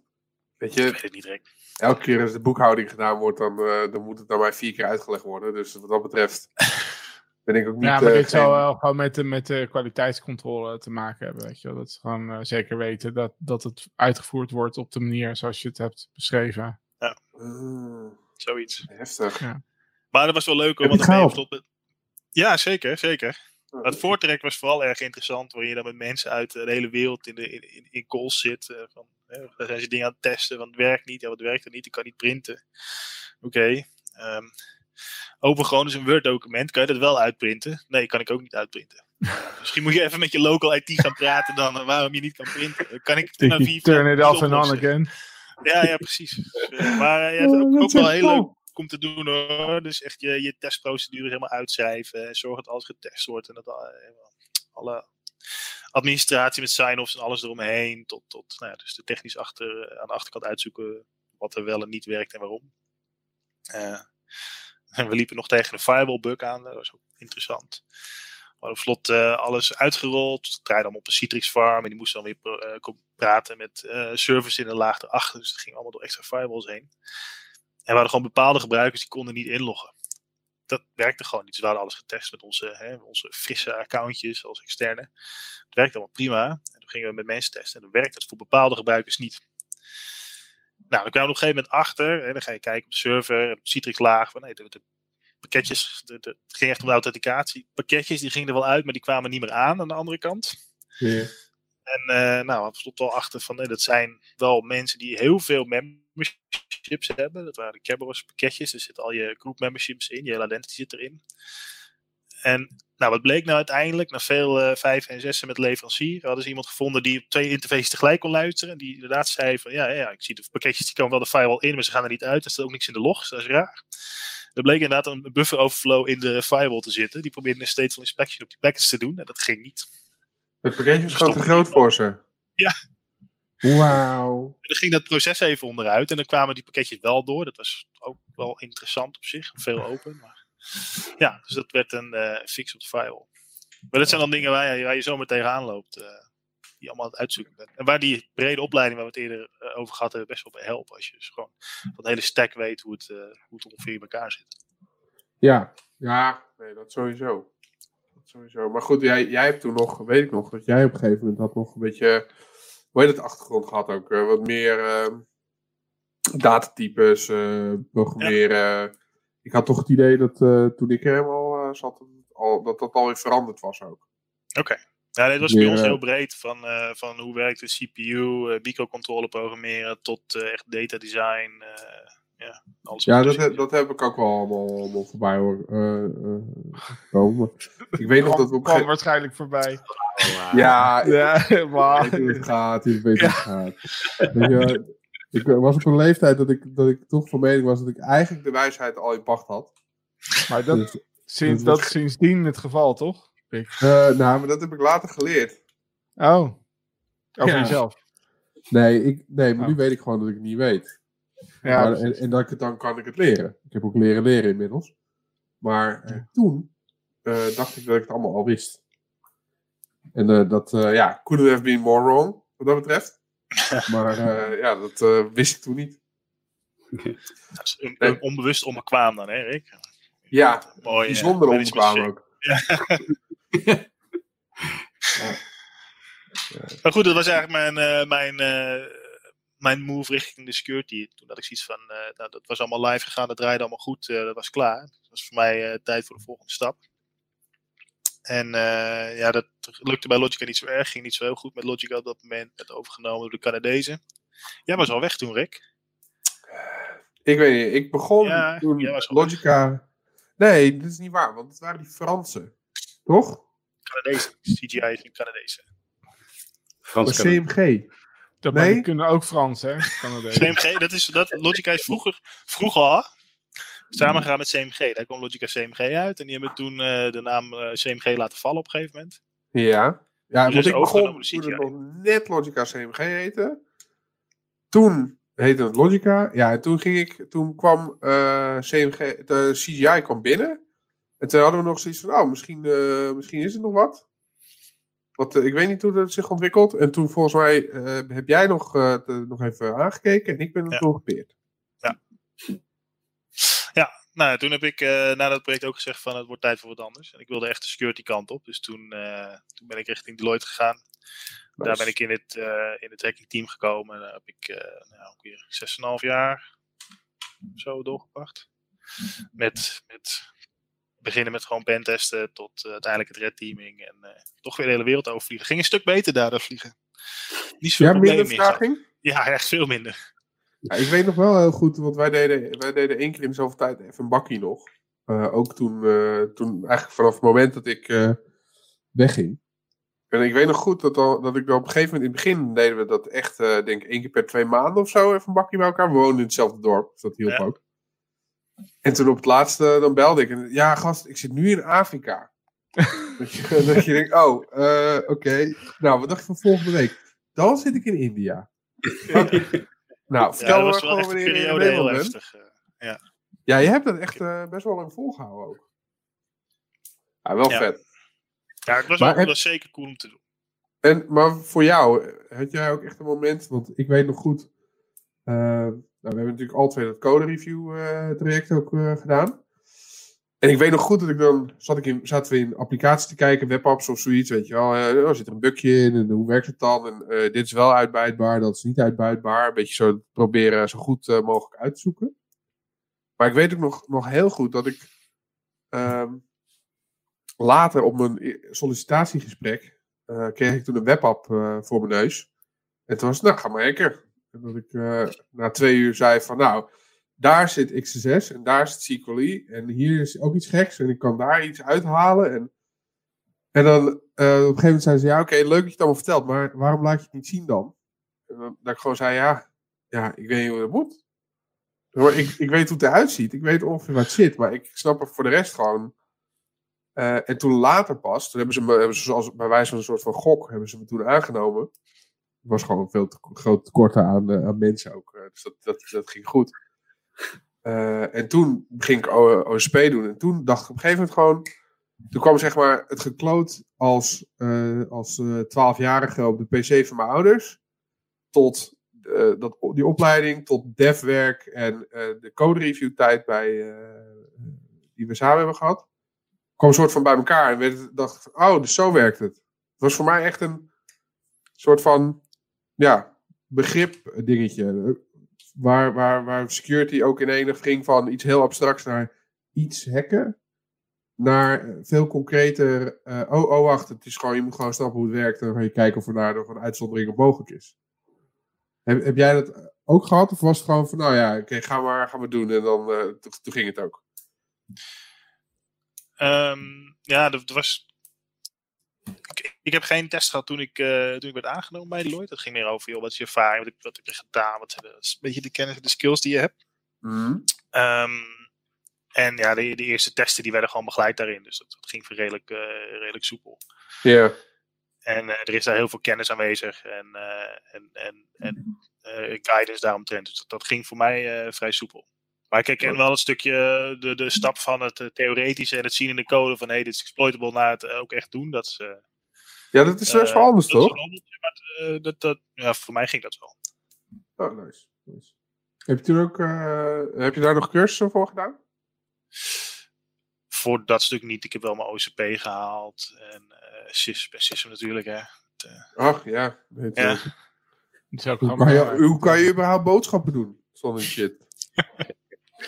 kan niet. Maar het is tegenwoordig is het een master, hè? Is het zo? Dat nou, weet ik eigenlijk niet zeker, maar dat hoorde ik. Dat ze dat zouden doen. Of misschien is het al zover. Nou, dan had ik ze toch moeten blijven betalen, zeker. Uh... Dat weet ik niet. Had je... Oh nee, wacht. Je hebt een bachelor natuurlijk. Ja. Ja, nou ja, goed. Als je ook nog volgens een master... Mij, ja? Volgens mij was het niet echt zo. Oh ja, CISP. Certification now compare, comparable to masters. Ja. Zeggen ze zelf. Zegt IC. Uh, IC. Ja. ja. Wij ja, oké. Wij van WC1. ja, maar de, de, uh, ja, het staat niet op scherm, maar dat, dat is... Uh, nou, ik kan hem erop gooien. Daar hebben we knopjes voor. Ik kan knopjes besturen, hè? Ja, ik oh, kan besturen. Knopjes staan. Oh, ja, dat is leuk. Bam! Hier, ja, zij zeggen dit, toch? Ik bedoel... Even kijken. Certification is stand comparable to master degree. Ja. Ja. Ja. Maar volgens mij waren er toen heel veel mensen die het hier niet echt mee eens waren. Daardoor... Ik, weet, ja, ik heb het nooit gedaan, dus ik kan er moeilijk over oordelen. Maar Jos, jij hebt, uh, jij hebt er een. Ja. Is het een... Nee, ja, ik vind van niet. Ik, ik, uh... Het zijn er heel veel feitjes kennen. Uh, nou, ik heb zelf geen master, dus dat is wat lastig te vergelijken. Ik heb wel masterstudenten begeleid. Ik, ik zou dat niet op dezelfde, uh, hetzelfde niveau willen zetten als een master, uh, eerlijk gezegd. Ik vraag me ik vind het eigenlijk niet eens vergelijkbaar met de bachelor die wij, die wij hebben gehaald, Rick, eerlijk gezegd. Ja. Nee, maar nou, zo, zo, lang over studeert als een master doet, dat is vaak twee jaar, hè? of nou, sommige vier. Ja. als je al twee jaar over gestudeerd hebt, dan heb je het allemaal bijna zelf gedaan. En bij een master leer je volgens mij veel meer dan alleen maar een boek uit je hoofd stampen. En maar dingen... is een master ook niet gewoon letterlijk een tijdshoeveelheid? Uh, zoveel uh, ERC, uh, European credits? Ik denk niet dat de gemiddelde persoon er zo lang over doet als je normaal over een master doet. Is het niet gewoon, heb je niet van die cursussen dat je gewoon master nee, of uh, CIS binnen een week? Ja. ja, dat klopt. Dacht ik hiervoor ja. uh, Hugo. Ja. En dat, dat iedereen, hè? Ja, ja, nog wel. Nog uh, een week, denk ik. En dan verloopt hij. Dat vind ik, vind ik wel best. Ah, ja. ik heb denk ik al 15 e-mails gekregen van hij verloopt echt bijna, je moet nu betalen, kom, kom, kom. Uh, ja. Het is echt heel belangrijk. Maar ja, uh, een klant die erom vraagt. Uh, en dan, nou ja, op een gegeven moment zeg ik dat ik had hem, maar niet meer. Wat kost en, dat dan? Ja, best wel ik heb eigenlijk niet meer, voor mij wel 100, 150 per jaar of zo. Nou, het is niet heel veel of zo, maar van ja, wat betaal ik er eigenlijk voor? Maar je moet ook uh, x aantal uh, credits uh, halen ja, per jaar. Natuurlijk. Hm? Dus ook dit zou ik opvoeren als. maar, Mag dit ook? Dit kijken bijvoorbeeld, is dat ook een. Ik denk het wel, ja. Als je hier dingen over security leert van ons. Uh, ja, kijk, het, het, het, idee is dat je blijft bijscholen. Dat is natuurlijk wel. Ja. Hè, dat is op zich een goed idee. Maar. Nou, ja, waar, waar, ik, waar, ik, waar ik het wel nuttig voor vind, SISM, SISM is een soort. Hè, dat je een soort gezamenlijk vocabulaire hebt. Dat je gewoon een aantal termen, een aantal dingen weet die, uh, dat je, waar je het zelf onder verstaat. Dus dat is prima. Er is gewoon heel veel ruis vaak over IT, over security. Dus daar is het nice voor. Maar ik kan niet zeggen dat ik echt heel veel geleerd heb verder op SIS. Of SISM bovenop de, de, de, de kennis en ervaring die ik al had. Nou ja, goed, als je natuurlijk goed kan uh, met je klanten kan. Om het te snappen dat je, dat je in ieder geval een soort van klok-klepel idee hebt. Maar heel diep gaat het niet. Dus uh, voor gemiddelde IT-security professional daar zegt CISP echt geen drol. Terwijl bij elke uh, vacature-eis ongeveer wel staat. Dat het in ieder geval vereist is. Ik kan me wel goed voorstellen, als je natuurlijk gaat starten in dit vakgebied, of je wil uh, bepaalde promotie maken binnen een bedrijf, dat het best wel nuttig kan zijn. Ja. En dat, het, uh, daar wel... Die klopt niet, wat mij betreft. Het is, overveldend. Nou ja, ik weet nog... Dan zou ik dan misschien, dat, dat, dat heb ik een stuk hoger zitten dan CIS. Terwijl dat misschien qua tijdseffort voor de gemiddelde persoon wel meer kost. Om dat te leren. Ja. Welke had je, had je hoog zitten? Gewoon OCP en OCE. Oh. Ja, die, dude. Hè, dat is wel serieus. Dan kan je wat.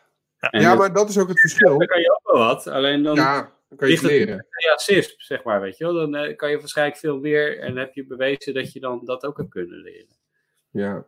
Oh, 150 dollar per jaar, eh, zegt Dirk. Ja, ik, ja, maar ik zie dat er, dat er het hele koelhandel is. Het is 180, ja, 125, 85. Nou, wie heeft er wel gelijk, jongens? Je ligt het eraan hoe lang je al, uh, hoe lang je al en hoe, hoeveel, hoeveel tussenpersonen er uh, tussen zitten. Dat, uh, maar, ja. zeg maar, als, als zeg maar, de, want de, de een die zegt inderdaad dan uh, 125, maar de ander 180. Ik bedoel, of er wordt iemand genaaid, of heeft iemand hele goede korting bedongen. Kas, Kas van Koten, jij koopt... Volgens mij krijg je ook, ik heb hem op een gegeven moment een keer voor drie jaar afgetikt en dan is het iets goedkoper, geloof ik. Ah, oké. Okay. Ja, kijk, die, dat geneuzel te doen. Maar het, ja, Nou, ik weet nog goed dat ik, ehm, ik... Ik was toen aan het werk bij, uh, bij. En toen zei uh, mijn toenmalige manager, Erik Ploegmakers. Die zei toen van, ja Rick, jij moet, je moet je CISP halen. Want, of nee, Certified Ethical Hacker of CISP. Mocht kiezen. want dat vinden klanten belangrijk. Ik zeg, ja, maar ik heb OSCP, weet je wel. Ik, ik, ik pentest. Uh, dat, ja, weet je, dat, dat hoeft niet, dat is niet per definitie heel nuttig. Dus, maar toen dacht ik echt van, ja shit, gaan ze me zo forceren om zo'n stomme cursus te doen? Dat wil ik helemaal niet, want moet ik wat domweg uh, dingen leren. Dat, ja, weet je wel. Als ik goed was in domweg dingen leren, had ik ook niet zo lang over mijn opleiding gedaan. Dus toen uh, zei ik van, joh, maar OCE is, uh, schijnt ook heel, heel vet. En dat wordt echt heel veel mensen gerespecteerd en bla bla bla. En toen, toen zei hij, ja, nee, dat is ook goed. Toen dacht ik, oh. Ik was zo bang dat ik, dat ik CIS moest doen. En toen later had ik, uh, had ik een andere manager, Sander Peters, en die heeft toen ook nog een tijdje gezegd van, ja, maar dat moet je doen, want dan snap je wat klanten zeggen. En ik denk, ik denk dat hij ook wel echt wel gelijk uh, daarin heeft, maar ik ben toch blij dat ik het niet te boven doe. Ja, ik ben blij voor je. Heb je CA ook gedaan toen? Of nee, ik heb CA ook niet gedaan. Ik heb geen CISP, geen CISM en geen CA. Ik heb OCP en OCE. En ik zou. Ik heb ooit de, de training in Vegas gevolgd voor OSEE. En dat is een van mijn grootste falen dat ik dat nooit heb afgemaakt. Dus ik heb. Ik heb de oefening. Nee, dat mag niet meer. Oh, die is dus weggehaald. Nou, dat niet, maar ik heb gewoon. Je moet binnen een jaar moet je het examen doen. Uh, klinkt alsof je weer een keer de training moet doen, Rick. Ja, nog een keer. Zeker. Nou, ik heb er vandaag over nagedacht. In Vegas, hè? Ja, ik mag het weer. Ja, ja nee, daarom. Nee, maar ik heb daar vandaag over nagedacht. Dat dacht ik op een gegeven moment van... Stel nou dat, dat ik op een gegeven moment dat onze start-up echt super lekker loopt. Dat je dan gewoon kan zeggen van... Jongens, ik wil graag die cursus doen. En dat het dan ook eigenlijk geen probleem zou zijn. Dat zou ik zo vet vinden. Want die cursus was, was super cool om te doen. En uh, gaf bij mij in ieder geval inzicht in een aantal zaken waar ik, waar ik gewoon nog... Ja, waarvan ik niet dacht dat ik het überhaupt zou kunnen. En toen, tijdens die cursus zit je dat dan te doen. En het was wel echt. Ja, zo, die, een vet ervaring. Die, zijn, die zijn best wel chic geprijsd wat, voor wat je krijgt. Het is niet uh, Black Hat training uh, kosten. Nee, het is op Black Hat. Het is wel op Black Hat, oké. Ja, dus ja, het is op Black Hat en het is ook gewoon letterlijk, ik denk, 4,5 of zo. 4,5? Ja. 5000 dollar. Dat is echt heel duur. Maar goed, het was wel, zeg maar, als je OCP doet en uh, je zit zeg maar heel op exploit B en je bent blogs aan het lezen en je snapt het niet en ben je weer aan het uitzoeken, dan kom je elke keer allemaal namen tegen. En op een gegeven moment ga je dan die training volgen en dan zit, uh, zit Ryujin, dan zit Sickness, dan zit, dus die zitten er gewoon allemaal. Op een gegeven moment sta ik te lullen met een gast en dat was God Milk. En toen dacht ik, wat? Ben jij, dude, ik heb zoveel van jouw blogs gelezen. Ik heb zoveel van jou geleerd. Thanks, man. Ja, dat, dat, dat alleen al was, was de moeite waard. Nog even los van uh, uh, de, de training zelf. Want het, het, was gewoon heel dik om, om op dat niveau wat over exploits bouwen. En moderne uh, beveiligingsmaatregelen omzeilen te leren. Zeg maar.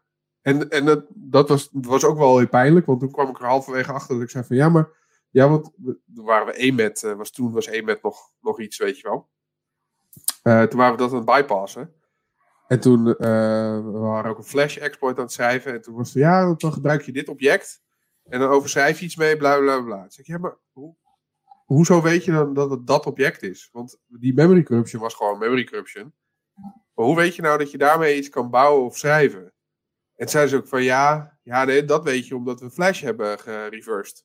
Dus wij weten hoe Flash helemaal opgebouwd wordt. En uh, daar hebben we deze objecten gekozen, want het was goed voor Eve, bla bla bla. Ik, oh, oké, okay, ik kom tot straks. Nee, man, dat zit niet in de cursus. Ja, hoe bedoel je? Hij zegt, nou, dan zou die cursus twee weken langer moeten duren. Dus als, ik, als we straks klaar zijn, weet ik dat niet. Zegt, nee man, maar dat kost echt jaren. Toen dacht ik, oh wacht. En ik dacht, dit is, dit is, dit is het, weet je wel. Ik ging daarheen ik dacht, ik ga het leren.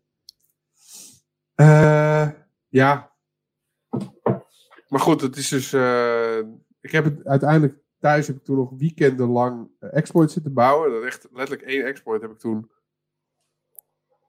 vier weken over gedaan of zo. En dan, als het dan werkt, was het wel vet. Maar helemaal vergeten af te maken. Zo zonde. Ga ik nog een keer doen. Volgend jaar. Uh, nou, wie weet hoe uh, de tijd zich ontwikkelt. Ik is open. Ik zag vorige week alweer uh, een soort video's van allemaal mensen die weer gewoon het zuipen gokken zonder maskertjes. Ja, ja. ja ik zag het. wel uh, dus het, is, het kan gewoon. Ja, nou, alles is er zo plastic, daar leeft niks. nee, dat is ook waar. Ja, mij die woont daar. Die, oh, Deze moet ik even erin gooien. Mag hij, Mag hij naar Vegas? ik weet het nog. Ik stond... Ja, deze is gewoon echt briljant. Het kwam erop neer. We werkten toen bij uh, Deerbites. En uh, we waren toen uh, ooit naar Defcon geweest. En toen, volgens mij op NCC1, zegt Edwin, zegt... Yo man, gaan jullie dit jaar weer naar, naar Vegas? Ik zeg, nee, dat gaat niet door. Het gaat, we zijn vorig jaar geweest, het was fucking vet. Super tof, maar we krijgen het natuurlijk niet twee jaar achter elkaar van elkaar. Hij zegt, ja, maar dan moet je gewoon aanwezig zijn. Ja, dat is allemaal leuk. En het, hè, leuk bedacht, maar dat gaat natuurlijk niet gebeuren. Ja, wacht maar. Ik ga het regelen. Dus heeft, hij, heeft, hij heeft hij jou gebeld? Ja, ik was daar. Jij was daar. Is hij naar je toe Ik was daar. Ja. en bijvoorbeeld, ik weet niet. Toch, dat was toch Edwin zo? Ja, ja dat was Edwin, sowieso. Ja, nee, dat weet ik. Maar hij kan nu reageren. Want volgens mij is hij daar ter plekke naar mij toe komen lopen. Of bij die netwerkborrel of zo in het, in het museum daar. Ja. Uh, echt zeggen, hé, hey, uh, belangrijk hè, die gasten moeten gewoon naar, uh, naar Vegas. ja. Kijk, Edwin. Hij, hij is groter dan jij, hè? ja, hij liet ook al zijn ringen zien toen, dus ik dacht, nou, is goed, joh. Nice. Edwin bevestigd. Ja, dat was fucking ja. vet, want toen mochten we dus naar, uh, mochten we gewoon weer naar Defcon. Nou, ik werd helemaal gek. Dat was super cool. Ja, ik. Ja. Sorry? Ja, maar de... Ik wou dat het dit jaar niet is. Ja, ik snap het helemaal terecht, hè? maar uh, ik vind het wel jammer. Ja, maar we kunnen wel allemaal naar Defcon dit jaar. Dus dat is ja, ja dat klopt. Echt, ja. Ik ben heel benieuwd hoe dat gaat. Uh, dat die hele livestream kapot gaat. Uh, met 40.000 mensen die geprobeerd ik. Face Zullen we een Facebook videoparty van maken misschien? ja, ik denk dat het wel heel rustig blijft. Op ik, ik zit me dus af te vragen... Want persoonlijk vond ik het zo vet om de mensen die je daar leert kennen, ja. de mensen die je daar spreekt, dat soort shit. Dat was echt super tof. Ja. ja hoe gaan we dat nu doen dan? Weet je wel, want die presentaties, uh, heel veel presentaties zijn gewoon ook gewoon niet zo. Goed. Het is alleen leuk als je in, in die niche zit toevallig. Ja. En je hebt dan één keer in de, in de Blue Moon heb je dan een gast die super goed is en een heel, heel vet verhaal kan vertellen. Maar, maar dat is niet, ja, zeg maar, een hele goede presentatie hebben. Wat mijn inziens best wel zeldzaam, eigenlijk. Ja, ja, ja, ben ik wel met je eens. Ik denk dat 40% leuk is om naar te kijken, of in ieder geval tof is om echt bij te zijn.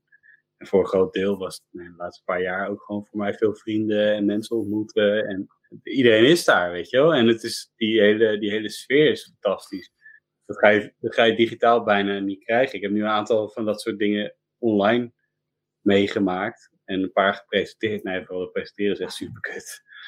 Tenminste, het is, het is qua sfeer, het is zo anders. Weet je? Het is zo, ja, het is heel dood. Ik, nu zie ik jullie in ieder geval, dan zit ik tegen jullie aan te praten. Maar als je zo'n presentatie aan het doen bent, zit je natuurlijk gewoon zit je naar je eigen slide te kijken. En dan, yeah. of je, dan klik je jezelf, klik ik al weg, want dat leidt alleen maar af. En je hebt nul, nul interactie. Hier heb je nog uh, Edwin en Jillis en Kas, zo die allemaal leuk lekker aan het reageren zijn. Dan zie je in ieder geval nog iets. Maar Ja. bij heel veel van de online conferenties heb je dat natuurlijk helemaal niet. Dus zit je echt. En ook als, als bezoeker of als participant eh, om, om mee te kijken. Ja, je bent dan toch sneller afgeleid. En dan doe je, je doet het op je laptop. Mensen doen het op de tv. Eh, dat is wel beter, denk ik. Want dan ga je niet in ieder geval even zitten, uh, aan de windowtje nog iets anders zitten doen, waardoor je het helemaal niet meer meekrijgt. Maar juist het sociale deel, dat, dat, dat is het grootste. Ja. Dat is echt jammer. Ja. Eh, en ja, het is nodig. Eh, volgend jaar hopelijk niet meer. Dan gaan we weer los. ja, het zou wel vet zijn. Nu alvast werken aan een goede talk, zodat we volgend jaar gewoon eh, Sowieso. nou, daar ook een middelmatige presentatie kunnen gaan geven. ja, ja. Ja. Nou, dat maakt niet uit, hè, want je bent wel speaker. Zeker. Ja. Ja, ik heb toen, ik, ja, een 60% presenta presentatie. nou, Dat je ja, bij die 60% hoort. ja, nou, ik weet nog, ehm, dat is de broer van Oh. Wesley. Die, Oh. die zegt, eh, ja, maar de meeste mensen zijn maar een zesje. En uh, dat, dat vind ik zo'n briljante uitspraak. Die, die is op zoveel toepasbaar ook. Dat ik, uh, ja, die, die man die is mijn spiritueel leider geworden. Vinden toch? Ja. Sorry, wat zei je? ik zou daar vaak best tevreden mee zijn. Het, uh... Met een zesje. zesje. Ja, joh. Nou ja, ik, ik ambieer wel meer en ik probeer veel meer. Maar als een ander dat vindt, nou, dat is prima toch? Dan vinden ze hier ja. goed genoeg. Uh, zelf, wat ik er zelf van vind is zoiets anders. Maar prima toch? Ja, ja. Zelf ben ik dan. Nee. Nee. Ja, ja. Zijn mening, weet je. Ik hoef er niet mee eens te zijn. Nee, dat uh, is waar. Dat is waar. Maar dan, je kan wel natuurlijk zelf gewoon de effort erin stoppen om het gewoon goed te maken, toch? Nee, maar dat, en dat vind ik dan ook wel belangrijk als ik iets doe. Ja, nee, maar alles wat ik doe, wil ik goed doen. Maar dat ja. als iemand anders dan een zesje vindt, nou fijn. Nee, nee dat, dat, is niet, dat is niet het ding. Het ding is gewoon dat heel veel mensen dat gewoon oké okay vinden.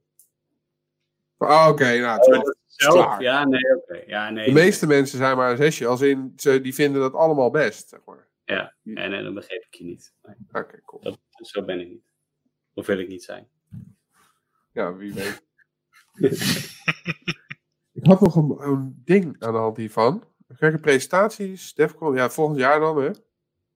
Zo, ja, dat gaat echt een jaar duren ook. Met alleen maar online cons ook. Ja, weet ik niet. Ja, hoop is wel echt ik, uh, tot en met oktober in ieder geval zijn de meeste waar ik voor in had geschreven, of waar ik van weet dat ze er zijn, zijn wel allemaal online. Ja. CCC is nog niet, uh, nog niet gecanceld, toch? Nee, nog niet. Nee. nee. nee. Maar ik denk dat die het ook even aankijken. Ja, ja. ja. Maar dat is ook groot. Dus dat als dat nog een beetje er rondpruttelt, dat virus, dan gaan ze dat nooit doen. Dat is ook gewoon, vorig jaar was het volgens mij ook tussen de 25 en 30.000 man.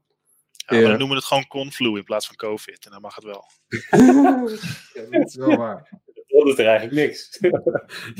je bent nog steeds ziek als je terug wil. Helemaal een stuk heftiger. dus chill. Ja, de meeste Conflu is al, uh, wel, ja. is al, is al ruk. Ja. Ja, ik zit me wel af te vragen hoor. Want dan, uh, ik ben nog nooit naar CCC geweest eigenlijk. Want het is altijd met kerst. Ik vind het eigenlijk wel leuk om dan uh, thuis te zijn. Het lijkt me wel leuk om een keer heen te gaan. Ja, dan kunnen ze niet gewoon een keer niet tijdens kerst doen. ja, volgende, is het volgende zomer? Is het de volgende... In de zomer. Ook CCC kamp. Moet je wel in een tentje. Uh, ja, is dat net als ja gewoon? Nee, ja, uh, qua concept ja. Alleen qua uh, bezoek en thema is het wel wat, uh, wat anders. Sowieso was er afgelopen jaar was daar, was er niet zo relaxe sfeer. Was er best wel grote antifa-presence. En die waren ook wel vrij dominant aanwezig. Ja, nee, denk ik niet. Nee, ik was er niet hoor. Dus ik, ik heb, het is alleen maar heersay. Dus als er iemand in de chat zit, antifla. Ja, ja antifla was toen die op Hacker Hotel. Ja, was allemaal wat nietje. De, de, de, sfeer was niet zo chill. Ik ben daar het jaar ervoor, nou, twee jaar ervoor. Het is zo één keer in de vier jaar, geloof ik ook. Hè? Dus het is uh, uh, CC Kamp en dan heb je in Nederland uh, de SHA, of hoe het de volgende ja. keer heet, weet ik eigenlijk nog niet. Hij heeft um, dus niet, volgend jaar is MCH. Ja. Dus ja. niet ja. dinges. Nice. Oh ja, nou top. Dan gaan we daar wel in. Um, ja, sowieso. En, ja. Vorige keer dat ik op CCC kamp was, was best wel veel uh, hardware hacking. En daar was ik toen minder in dan dat ik dat nu was. Dus dat, toen, ik had het super leuk, want ik was met een hele grote groep vrienden. En het was super lekker weer, afgezien van de ene laatste dag. Want toen was er een soort van mega uh, onweersbui, waardoor het hele kamp werd geëvacueerd. Uh, echt. Het is wel een heel vet terrein, want ze hebben daar allemaal van die grote steenovens. Het was een, uh, een oude baksteenfabriek uh, terrein. Dus je had echt van die mega ovens, daar moesten we dan in schuilen. Vet. En toen bedacht ik van, kut, ik ben wat vergeten. Ik, ik ren even gauw naar buiten. Alleen de ingang van de oven aan de buitenkant is lager dan de... Of nee, is hoger dan het poortje aan de binnenkant. Oh. Dus ik rende en ik bukte uh, zo ver als ik het licht zag. Alleen uh, aan mijn kant was het lager. Dus ik liep echt... Oh, oh zo in die muur. Dus ik uh, lag uh, een half uur later in de ambulance naar het een van de ziekenhuis. en uh, zware hersenschudding en zo. Dus heel slecht Oh. verhaal. Wat goed. dat was echt super vet. Maar was je dronken? Nee, Niet niet dat eens. ik kan me herinneren. Nee, Gewoon slecht overdag. ingeschat. Ja, nee, maar je, je, je stond in een donkere kamer. En je ziet daglicht. Dus je, uh, en aan de buitenkant was dat blijkbaar hoger dan aan de binnenkant. Dus je, je ja, je, je, referentie is een beetje weg, omdat je geen diepte ziet in het donker. Of ik tegen lomp. Dus, uh, ja, ik wou zeggen, dus lag niet aan jou. ja, nee, ja, het lag wel aan mij. Alleen, uh, nou, het ging zo snel. ook omdat er allemaal paniek was. Dat iedereen die moest naar binnen in dat ding. En nou ja, vaag. Ja. En toen ging het weg. Lachen. Zijn jullie vorige, vorige keer op Sja geweest? Ja. Zeker. Nice. En op Open de ja. Oh, ben ik dus niet geweest. Ik, ik, ik weet nog dat ik toen op een gegeven moment uh, op Twitter zat te kijken. Toen dacht ik, wauw, dat ziet er echt cool uit. Daar had ik best bij willen zijn. Ja, dat was te gek. Ja, het was, het was wel echt beyond hot, zeg maar. Al die tenten, daar kon je eigenlijk gewoon tijdens die talks overdag niet in. Ja. Dus we lagen alleen maar een beetje in dat zwembad wat uh, Schubert volgens mij had neergeklapt. Ja. En uh, op een gegeven moment werd je daar uitgegooid omdat de kinderen ook moesten. En dat was een hele goede mhm. En, dat is tijdens het jaar weer goed gemaakt, hè, die regen, met de regen. Ja, ja, dat was wat minder lekker weer. Ja. Het uh, was, was nog best goed te doen. Goed event, iedere keer weer. Lasershow. Ja, en die Tesla show op Sjouw was echt vet. Tesla. Ja. Tesla, Tesla Oh, ja. Die, ja, dat was vet, joh. Die muziek was, was, was nog best goed, ook gewoon qua muziek ja, en zo. Ja. Die gasten ja, dat vond ik ook Thunderstruck. Ja, volgens mij wel, ja. Heel vet. Erik, was jij er toen ook aanwezig? Nou ja, maar niet, langs geweest, de hele tijd. Ja, ja, want ik zat toen helemaal met mijn kinderen. Dat was helemaal moeilijk. Voor, voor mij is het, uh, is het in de zomer is altijd heel moeilijk. Want mijn moeder, of mijn moeder, mijn, mijn uh, vrouw is kermisexploitant. Dus die heeft het dit jaar toevallig heel rustig. Alleen uh, zo in juli en augustus, juli, juli, augustus is het niet echt een goed, goed moment voor mij om allemaal gekke dingen te doen. Dan moet ik gewoon voor de kinderen zorgen. Ja. ja. Ach. Dus, ja. Maar dus ik, ik ben er wel eventjes geweest. Uh, ja. ja, alleen niet de hele tijd. Ja, ik, ik, het was mijn eerste ja, was mijn eerste van die, uh, die events, zeg maar. Maar ik vond het echt superleuk. Dus ik heb me ook voorgenomen om, uh, om 2021 die, die te joinen. Dus dat lijkt me ja. wel leuk als we daar. Uh, Gaat je ook wel. Ik heb wel lach altijd. Ja, toch? Ja, oh man. Jezus, heb ik daar verschrikkelijke katers gehad. Even doorgaan, dan is het makkelijker. ja. ja, maar dat was. Ja, dat was echt. Ik, ik weet nog heel goed, er was iemand die had gewoon. Want het is elke keer natuurlijk hetzelfde gezeik. Uh, dan ben je dat bier aan het drinken en dan is er iemand die heeft dan zeg maar zo'n zo'n plastic flesje, zo'n doorzichtig plastic flesje met zelf gestookt. Ja. Waar, je, waar je gewoon oh. alleen maar eruit ruiken, ga je van achteruit lopen. Ja, ik kan me herinneren de laatste CCC waar ik was, daar, nou, daar heb je ook zo'n hele grote groep eh, whisky-liefhebbers. Dat was, daar, dan komt iedereen met zijn eigen stash en dan mag je hem van elkaar proeven. Dat was al leuk. En op een gegeven moment ben ik ook met de groep Finnen aan de praat geraakt. En die, uh, nou, die waren er heel trots op dat ze gewoon constant lam waren. En dat was op zich, maar ze waren wel chill. Ze waren gewoon nog... Ze, ze hard werken, Ja, serieus. Dat ze vertelden hoeveel ze op hadden die dag. En er was gewoon zo'n gesprek als dit bijna, weet je Dus het was echt, die gasten die functioneerden prima op hun manier.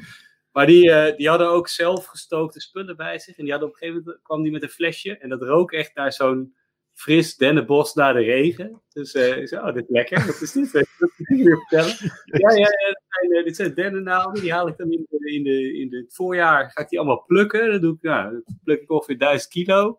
En je laat dan lekker fermenteren. Ja. en dat doe ik fermenteren. En dat ging hij dan daarna tot, tot vodka stoken. Maar dat was echt, dat is echt fantastisch. Bizar. Was het sterk? Of was het gewoon 40% gewoon normaal? Het was wel iets prikkeliger. Ja. Ik weet, het percentage wist hij niet. Of dat kon hij niet uitspreken. Maar het was, het was, het was, het was wel pittig En dat zat er ook in van die, van die ja, soort van uh, Finse spaarflessen. Gewoon, wel gewoon anderhalf uur. Lekker. Ik heb, wel echt, ik heb er echt zin in hoor. Wordt gewoon weer lachen. Dat weet ik nu al. Ja. ja. Lekker in een theetje. meegenomen naar Sja, toch? Die Finnen. Die hadden zo'n soort, soort mega fust.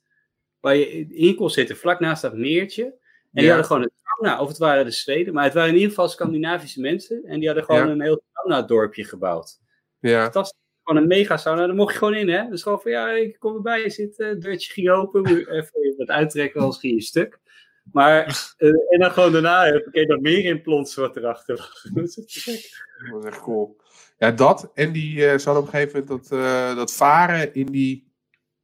je had die karttent. Dat waren die kartonnen tenten waarmee ze sliepen. Ja.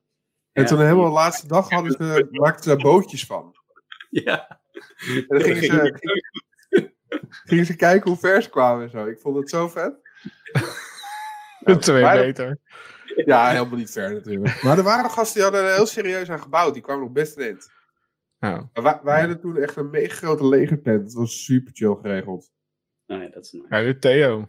Ja, dat Theo. toch? Dus daar kunnen we misschien nu ook alweer... Reddingsbrigade had hij dat van? reddingsbrigade is hij, uh, vrijwilliger, ja. Ja, die had hij geleend. Dan hadden we een megatent. Er zaten banken in. Dan kon je gewoon computer aan, uh, aan de banken en zo. Ja, nice. En uh, dat was heel relaxed. Alleen, we hadden dus per ongeluk, wisten we niet. Super, super dom. We hadden dus echt zo'n treintje geboekt. En uh, we stonden tegenover uh, mensen van de overheid. En wij hadden zoiets van, ah, gezellig weet je wel, suipen, feestje. Dus, dus wij gingen op een gegeven moment keihard happy hardcore blazen. En we, hadden, we hadden toen Jan Paul.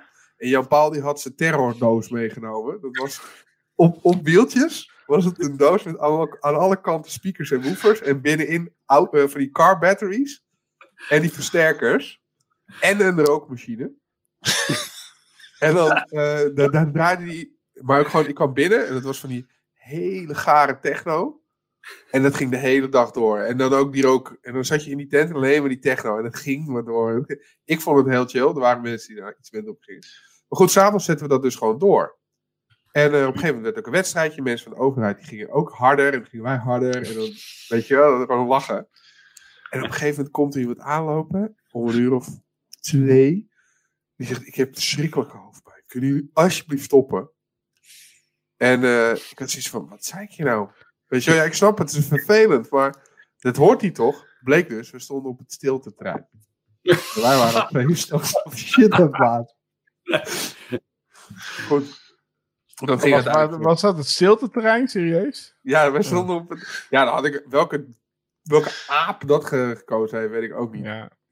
Maar uh, ja, dat, uh, daar hebben we van geleerd. Dus dat moeten ja. we maar niet doen. Nee. Goed. Bam! Bam. Zijn we er? Zijn we aan ja? Ik, ik vind van wel. Ik, ik, uh, slides. Genoeg. Nou, gewoon, ik heb, ik, heb, uh, niet, uh, ik heb alle slides tot nu toe geskipt, behalve deze. Want ik, ik wou gewoon even, even laten zien. Ik vind namelijk een heel vet logo. Ik denk dat het een valk is. ja, ik vond toch de speeuw met de shinies vond ik ook wel een hele leuke. Ja, het is Falcon Force. De Force. Ja, hoe bevalt het jongens? Dus jullie zijn januari begonnen, dacht ik? Ja. ja. Dus het is nu bijna zes maanden. Nee, het is al zes maanden. Ja, het nee, bijna. Oh, bijna zes maanden. Zesde maand is die gewoon. Ja. Ja. Ja, het, is, het bevalt mij echt mega goed. Het is echt... Uh, ja, het is heel fijn. Je, je, je kan alles... Nou ja, jullie hebben het zelf natuurlijk ook meegemaakt. Uh, en maken het mee. Uh, het, is, het is heel hard werken op sommige vlakken. Alles moet je opnieuw doen. Uh, waar je vroeger in een soort van warm bad was van, nou ja, er is een proposal template en er, is, er zijn algemene voorwaarden. En uh, al, alles. Maar nu moet je overal over nadenken. Maar ja, lab. En uh, de, ja, ga maar door. Maar het, het toffe is wel dat je ook. Nou ja, we zijn met z'n achten. En uh, het is in, even in de groep van jongens, vinden we dit allemaal goed idee? Ja, oké, okay, knallen. En gaan. En, en, dat is wel lekker. Je hoeft nergens gesprekken over te voeren en met bazen te praten, want je bent het zelf. Dus dat is top. En ook de reacties van, van klanten is, ja, is, is, is tot nu toe supergoed. Uh, want het, ja, we doen alles op onze, op onze manier. Um, en dat is niet per se altijd radicaal anders dan dat je het vroeger deed. Maar die verfijning of sommige nuances en zo, dat, dat valt, valt mensen toch op. En dat vind ik wel tof. Nice. Ja, je bent waarschijnlijk ook sneller af en toe met dingen. Uh, maar, of ja. maar, flexibeler of zo, makkelijker. Ja. Ja, nou ja, ja zeker. Ja, bij grotere organisaties zijn er, zijn er uh, uh, regels. En bij sommige organisaties uh, hebben ze daar procedures voor en zo. Ja. En die zijn er met heel veel goede redenen. En vaak ook vanuit, vanuit, nou ja, vanuit een, soort stukje regulator of, of nou, iets aan daaraan verwant. En daar hebben we nu allemaal nu niet echt meer last van. Daar hebben we heel veel van geleerd. En de nuttige dingen die passen we nog steeds wel toe. Want je krijgt heel vaak een NDA toegeschreven waar nou ja, ik niet zoveel kaas van kan maken. Maar we hebben een paar jongens in het team die dat wel heel goed kunnen.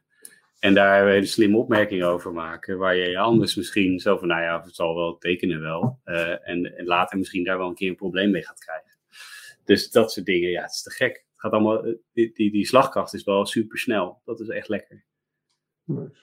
En, uh, want wat, voor soort diensten hebben jullie tot nu toe dan voornamelijk geleverd? Wat projecten of... Wat doen jullie? Wat doen we? Ja, we doen, uh, ja, uh, we doen van alles. Uh, een, een, flink gedeelte is nog gewoon offensief. Dus uh, pentesten, infratesten, red teaming. Timer ook, zijn we bezig. daarnaast we hebben we ook gewoon mensen die bezig zijn met, met intelligence, het, het, het blue stuff waar Olaf mee bezig is. Uh, instant response hebben we ook al het een en ander mee gedaan. Klanten die bellen van hey, we hebben een probleem, kan je nu komen kijken? Um, ja, voor alles security gebieden eigenlijk op dit moment. Um, dat is heel leuk.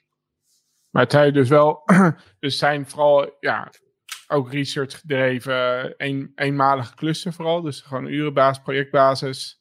Dat je wordt ingeschakeld. Of zijn er ook al abonnementen die jullie uh, aanbieden op de een of andere manier? Nee, nog niet. We zijn wel met wat dingen bezig waar, we, nou, waar je iets meer repetitief zou kunnen gaan. Kijk, een red team, red team, dat is moeilijk op te abonneren. Het zou wel heel vet zijn hoor. Maar dat is vaak niet waar de gemiddelde klant, die hebben, een, de, ja, die willen dat doen. En dan gaan ze dingen oplossen en dan misschien over een half jaar nog een keer. Dus dat, is, ja, dat is niet repetitief genoeg voor een abonnement. Maar er zijn wel vormen tussen natuurlijk, waar je een soort van continu testing kan gaan doen. Of uh, meer die validatie. En heel veel is, is tot nu toe, voor, vanuit mijn kant, is, is research gedreven. Waar je vanuit, vanuit nou ja, kijken naar wat de offensieve jongens doen. Weer defensieve tooling of regels of uh, mitigaties opbouwen. En dat dan, dat dan implementeren bij klanten. Uh, ja, dus we proberen het wel zoveel mogelijk holistisch aan te pakken hoor. Dus ook als we een red team gedaan hebben. Uh, juist ook die, die, die, die verdedigende kant bij de klant veel beter proberen te maken. In plaats van, nou, we hebben je gehackt, alles is gelukt. Zo het gedaan, succes hè. Ja. dat, ja. dat, dat, dat gebeurt nog best wel vaak in de, in de industrie. En dat is begrijpelijk soms. Maar het is wel zonde, want die klant die krijgt een rapport op de mat, uh, wat vaak vrij lijvig is. Uh, en hopelijk snappen ze het. vaak zijn die, die jongens best, of meisjes best wel slim. Maar dan ook nog het opgelost krijgen is niet altijd even, even makkelijk. Of soms ja, geen idee hoe of geen tijd. dus we proberen dat wel mee, te nemen, zodat we ze in ieder geval op weg kunnen helpen. Uh, liefst verder.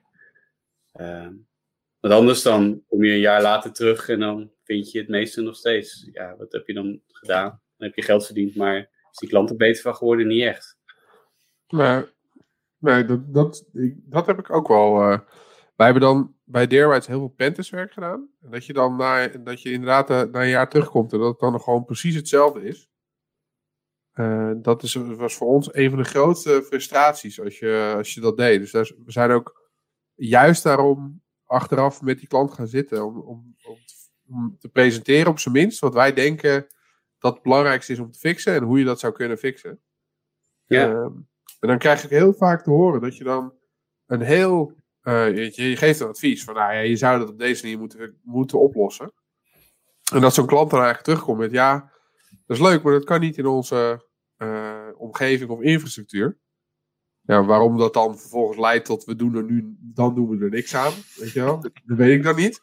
Maar dat was wel ook het moment waarop je samen ging kijken van oké, maar wat kan wel? En hoe kunnen we dat dan oplossen? En wat is dan uh, de minst. Nou, wacht. Ja, wat is dan de minst onveilige oplossing om dit alsnog te fixen? Weet je wel? En soms kan je ook iets gewoon niet helemaal afdichten, want het is gewoon nodig of wat dan ook. Ja, dan moet je toch nog samen wat gaan, uh, gaan doen om dat mogelijk te maken denk ik dan. Ja, maar die interactie is wel mooi. En ook soms dan, dan doordat je dat hebt, dan gaat er ook weer, wat jij net ook zei met het OCE, hè? Of OCE, dat je wel ineens zo'n lampje aangaat van, oké, dit is het, oké, okay, dat kunnen we gewoon zo doen.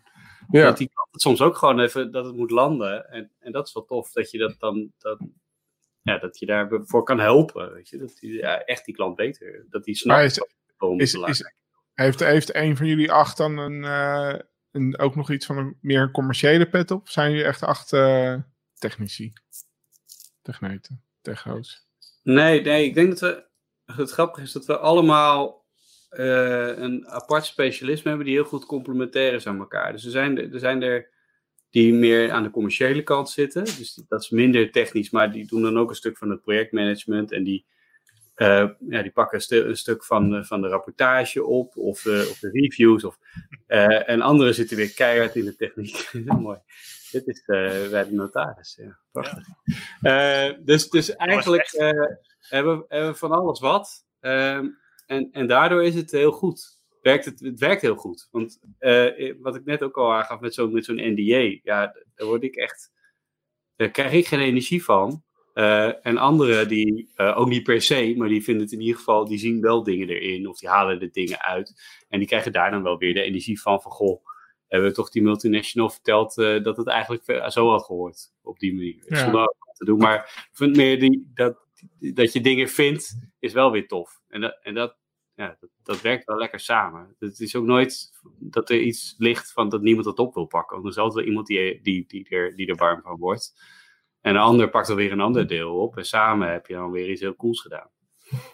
Ja, ik denk wel dat, dat nou, de reden dat ik het vroeg was omdat wat je beschreef van het opvolging geven aan die redteam uh, bevindingen. Dat dat uh, volgens mij vaak uh, niet zo goed gaat. Uh, in de omgevingen waar we alle vier vandaan komen, zeg maar.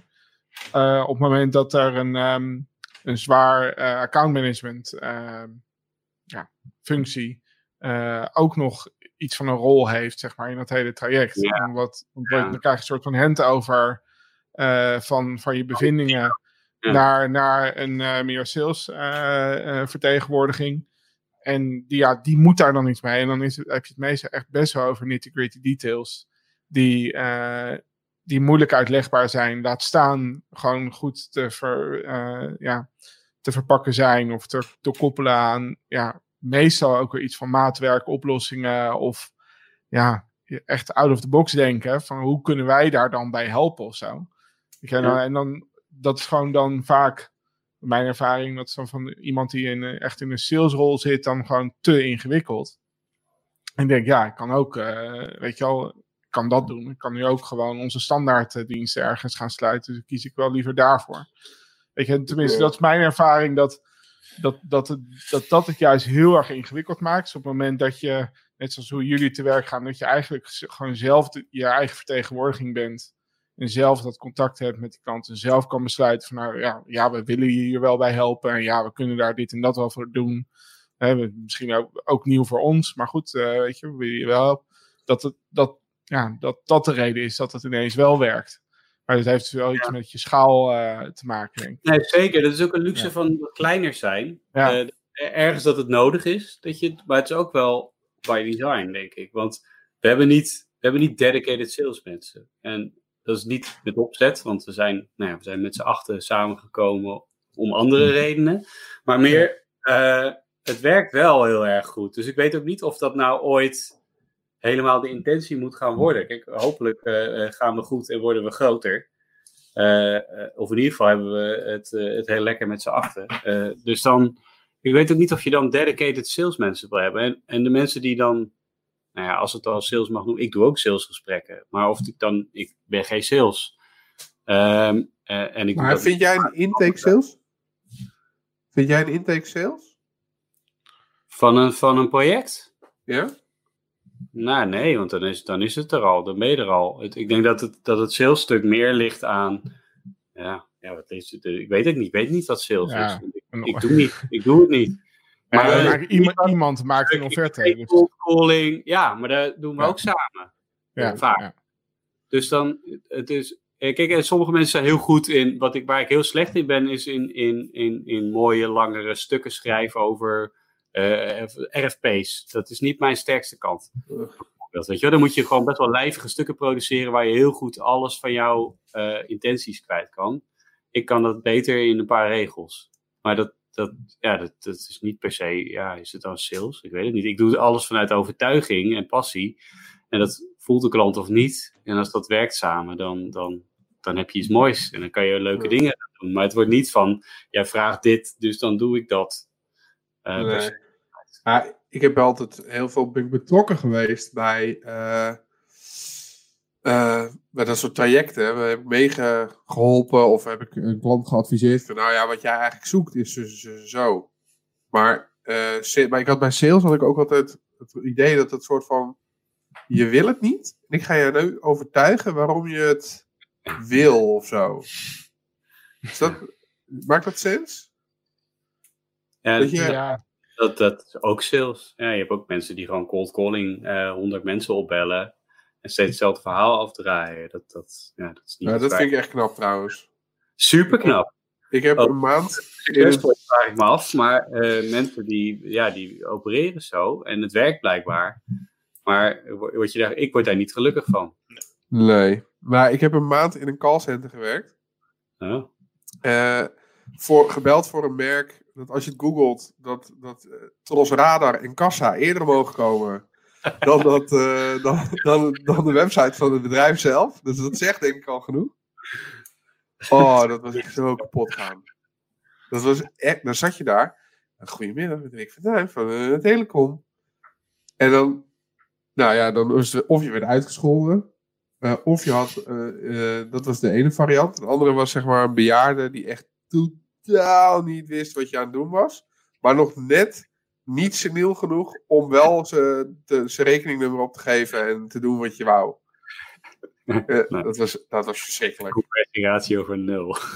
ja, nou, ik heb toen op een gegeven moment heb ik een keer gezegd van nou meneer, misschien moeten we nog een keer bellen als uw dochter er is. En uh, dat was ook net het moment dat er iemand mee zat te luisteren. Van de, van de, van de, van de leiding, zeg maar. Dus toen was het, uh, ja, dat, ik was er niet zo voor geschikt. Zeg maar. ach. ik, vind, ik vind het wel moeilijk hoor. Want, uh, dus ik, voor mezelf vind ik het helemaal niet. Maar ik vond het toen wel lastig dat je dan. Dan was het van, had je je bevindingen benoemd. En dan zei ze: Ja, oké, maar welke van jouw bevindingen ondersteunt het feit dat deze mensen een sandbox nodig hebben? Uh, geen. Eén. Allemaal? I don't know. Wat, wat wil je nou? Dus ik vond dat, dat, dat vond ik zelf daar wel, wel lastig aan. En omdat ik vond het echt heel leuk om met die jongens samen te werken, maar het zijn wel hele andere mensen. Ik vond het echt aardige gasten allemaal. Of nou ja, allemaal, dat is gelul. Ik vond sommigen heel aardig. Ehm, maar ik, eh, ze waren hele andere dingen bezig. En ook op een hele andere manier bezig met, uh, met hun vak, naar mijn idee. Ja, nee, ik, dat, ja, dat is denk ik bij elk vak wel. Hè. Zodra je ergens targets op gaat zetten, dan drijven bepaalde mensen boven die, die alleen maar daarvoor gaan. Die gewoon puur voor de nummers en voor het scoren en interesseert ze geen, geen rol wat ze je dan verkopen en of het werkt en of je erop zit te wachten. Gezondheid. En je hebt gewoon een aantal van die. Ik heb ook wel echt met echt dedicated salesmensen die er gewoon echt hard op gingen om jou de beste oplossing voor jou te verkopen. En dat soort mensen zijn perfect, weet je wel. En die, en die zijn misschien iets schaarser.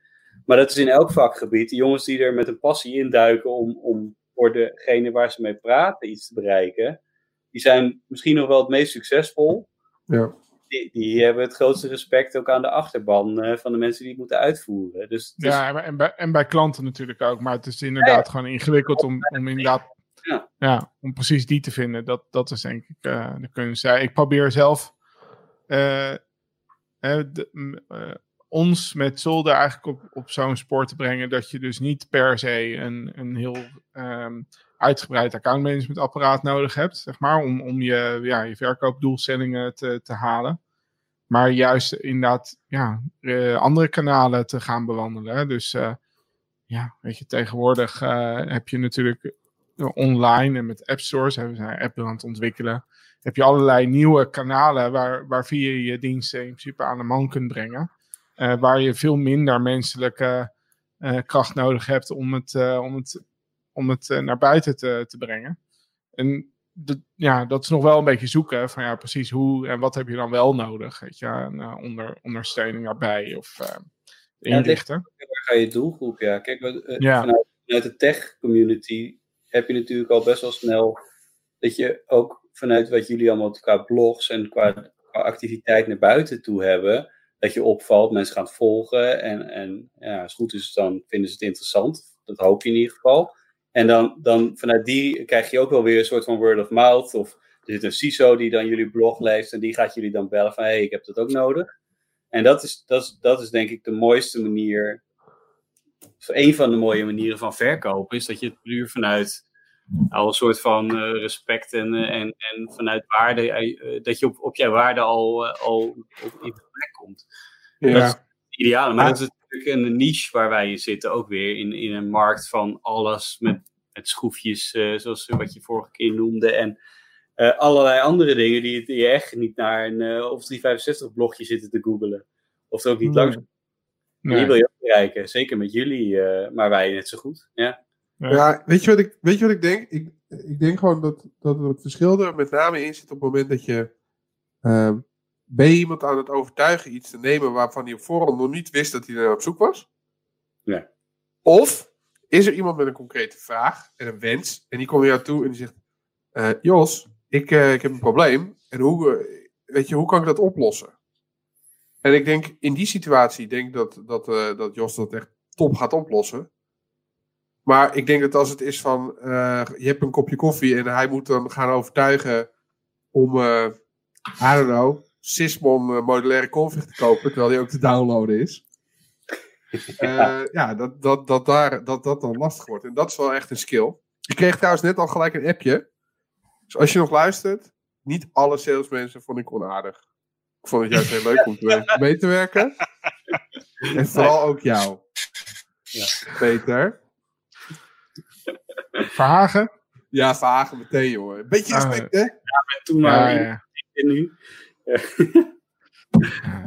Hey, maar, eh, maar jullie zijn met acht, hè? Dus wat Ja. eh, mijn, mijn vraag dan is direct van zo, hoe heb je dat eigenlijk goed voor elkaar gekregen om met, met elkaar echt als acht founders een bedrijf op te richten? Is dat, was dat niet ingewikkeld? Of weet je, alle neuzen echt, echt dezelfde kant uit, ook Ja. op zo'n moment als bij, bij de notaris of daarvoor? Ja, ja eh, eh, nou ja, begin jij maar, Jos. Wil je er even over nadenken? Daar brand ik mijn vingers niet aan. Nee, nee, ja. Ik, eh, ik, ik denk dat we. Wat je al zei, we zijn hè, acht, acht verschillende mensen met acht verschillende specialiteiten. En we hebben acht verschillende redenen om dit te doen. Eh, maar het zijn wel allemaal mensen die elkaar kennen. Die allemaal al die, die een idee hadden om, om iets anders te gaan doen dan wat ze de afgelopen paar jaar gedaan hebben. En ja, die kwamen bij elkaar. En dat werkte gewoon.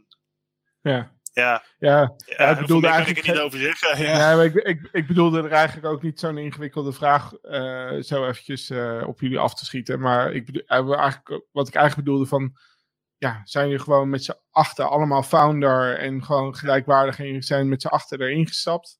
Of heb je echt een, eh, ja, een, echt een rolverdeling uitgedacht? Of hoe werkt dat? Zo, ja. Ja, we zijn, we zijn allemaal, ja, allemaal founders. Eh, dus ja, we zijn allemaal Ja. eh, gelijk, gelijk erin gestapt. eh gelijke monnik, gelijke kappen wat dat betreft. Eh, maar we hebben daar wel ook een rolverdeler aan gehangen. Dus we hebben een aantal mensen die zich houden zich gewoon bezig met het bestuur. Eh, van tevoren Ja. bedacht van nou, wie wil wat een beetje gaan doen. eh, om daar toch een beetje een idee van te hebben. En Dat, en we weten allemaal dat Olaf zich met, met, eh met Sysmon bezighoudt. Dat ik me met Offensive bezig hou. Eh, maar dat hebben we wel een beetje uitgeschreven. Ja, daar wat, wat rollen en zo. eh, die ja, dat is handig. dus we weten Ah. wel wat we van elkaar kunnen verwachten, maar we zijn, ja, we zijn met z'n allen acht founders. Ja. Ja, maar al- al- als je acht handtekeningen nodig hebt voor elke factuur Ja. die betaald moet worden, is natuurlijk ook een beetje Nee, onhandig. nee, dat ja, hangt er vanaf hoe hoog die wordt. Ja, precies. Ja, praktisch gezien moet je wel dat soort dingen al een beetje regelen. Dus daar kom je al snel op uit. Maar eigenlijk zelfs daar was volgens mij een soort van unaniem van oké, jullie drie moeten dat volgens ons gaan doen.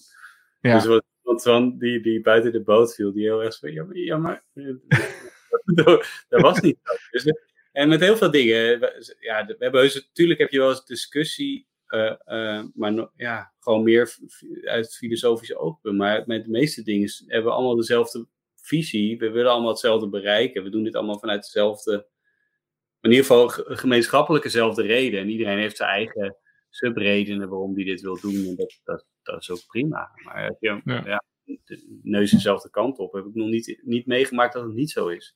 En wat is eigenlijk de reden dat jullie dan dit zijn begonnen? Dat zijn er heel veel, denk ik. Ja, dat, dat die zijn voor Maar oké, per eh, persoon misschien? En voor jullie? Want jullie hebben hier sowieso een podcast. Ja. We kunnen nog vier andere podcasts opnemen. Allemaal met welke ja, ja, ja, ja, ja. Ja, dat wordt heel gek. Um, ja, ik denk dat het voor mij gewoon. Het, het was voor mij tijd om verder te gaan. Um, zonder in al te veel detail te treden. Ik, was een beetje klaar uh, bij mijn vorige werkgever, denk ik. Er waren genoeg dingen waar ik mijn neus aan had gestoten. Uh, waar ik geen zin had om daar uh, meer tijd in te steken. Of, of, daar voor mezelf het nut niet in zag om dat te gaan oplossen, op te gaan lossen. Je wil eigenlijk voor jezelf ook een, een omgeving creëren waarin je dacht van, nou, hier kan ik gewoon vette dingen in doen. En ik, je denkt waarschijnlijk ook dat je het op een of andere manier beter weet. Of tenminste, ja. dat sowieso natuurlijk. Hè. Ja, ja, het is aangeboren. ja, ja, erfelijk belast. Uh, nee, maar uh, ja, wat je zegt. Uh, kijk, een grote organisatie is toch een beetje. Hè, op een gegeven moment word je naar een pad geduwd. Of, of, kom je op een pad waar toch andere dingen van je verwacht worden dan waar je misschien per se goed in bent. Um, daar proberen ze wel wat aan te doen, maar dat was voor mij niet, niet voldoende of niet op tijd. Of kwam niet goed aan op een gegeven moment is het ook wel klaar hoor, bij een werkgever. Heb ik het ook idee. Dat. Ja. Ik weet nog goed dat ik uh, begon toen bij, uh, bij Logica. En er was iets, er gebeurde iets. En uh, ik zat gewoon te werken. En ik weet of jij er ook bij was, maar er was een hele grote groep collega's die in dat, op dat project werken. En die waren allemaal mega kwaad, want er was iets gebeurd of zo. En ik dacht alleen maar, maak je er allemaal druk om? Je bent toch gewoon, het gaat hartstikke goed. Je hebt uh, mooi salaris, alles is geregeld. En echt drie jaar later of zo zat ik gewoon, dan, dan gebeurde er iets. Dan was de koffie niet van het juiste merk. En wat een onzin dit en het moet anders. En hoe, je kan gewoon zo verzuurd raken ja, in een omgeving. Ja, en, dan, en dat is letterlijk gewoon... Ze hebben elke keer het verkeerde merk paperclips gekocht om mij te naaien. Weet je wel, dat, uiteindelijk kom je daarop terecht. Dat je, dat je een soort... Nee, ik denk gewoon dat het komt dat je te lang dan daar zit. Um, ik, eh, ik merkte dat ook wel met pentesten en zo, dat je het dan over een bepaald onderwerp hebt. En dan begint iemand, ja, dat heb ik al vier jaar geleden voor het eerst gezegd. En dat is nog steeds niet gefixt. En dan denk ik, gast, dus gaan, weet je wel. Het is gewoon niet goed. En dan moet je er iets mee gaan doen. Ja, dat is gewoon geschiedenis. En die, die, uh, als je lang genoeg ergens zit, dan, ja, dan ontwikkelt zich dat. Ja. Ja, ja, dat, uh, ja. Ik, ik zat er niet zo lang. Uh, ik zat er, denk ik, drieënhalf jaar of zo. Maar voor mij was het, denk ik, een van de belangrijkste redenen was wel nou, de organisatie waar we zaten was best wel groot. En dat is in heel veel opzichten super cool. Want je kan, ik heb echt heel veel geleerd. Maar ook wel een hoop dingen waar ik nou ja, minder mee bezig wilde zijn. Of wat in ieder geval minder, minder lag bij mijn interesse. En nou ja, wat ik al zei, ik heb, ik heb heel lang voor mezelf gewerkt. En daar heb je, nou ja, soort van, heb je heel veel problemen met wie moet alles zelf regelen. Maar daardoor heb je ook wel heel veel vrijheid. En je kan je focus op wat jij belangrijk vindt. En dat is niet altijd per se wat je werkgever belangrijk vindt. En dat is geen negatief iets, uh, maar dat was niet voor mij. En, en dat soort dingen. En ik wil de klant op een bepaalde manier beter maken. En niet altijd per se, ja, gewoon, ik wil, ja, gewoon ook dingen de wereld inslingeren die, die ik wil, erin wil slingeren. Uh, dus best wel vanuit die vrijheidsgedachte dat je uh, ja, meer zelf die uh, keuze wil kunnen maken. En, en, niet altijd hoeft te overleggen met meerdere mensen. Ja, en dan heb ik nu natuurlijk zeven man uh, om me heen. Uh, ook, ook meerdere mensen, maar het is een, groepje waar we redelijk overeenstemming hebben. En, en, natuurlijk ben ik geen soort van YOLO, ik bedenk dit en ik doe dit gewoon. Want dat werkt niet. Ehm, maar je hebt, je, je hebt nu meer een, ehm, ja, je, je werkt vanuit een, een visie die je samen bedacht hebt. En niet per se dat is niet als je ergens in dienst gaat, dan, dan, is, dan is vaak al. Of soms heb je de kans om, de, om het team samen op te bouwen, hè, dan kan dat ook wel. Maar dan ja, die, heb je nog niet die, echt die, die autonomiteit. Die, uh, dat is echt een gevoelsding ook. Dat kan je niet per se opschrijven van, ja, maar hier had ik dat. Eigenlijk heb je dat bij een hoop werkgevers, heb je ook best wel veel vrijheid.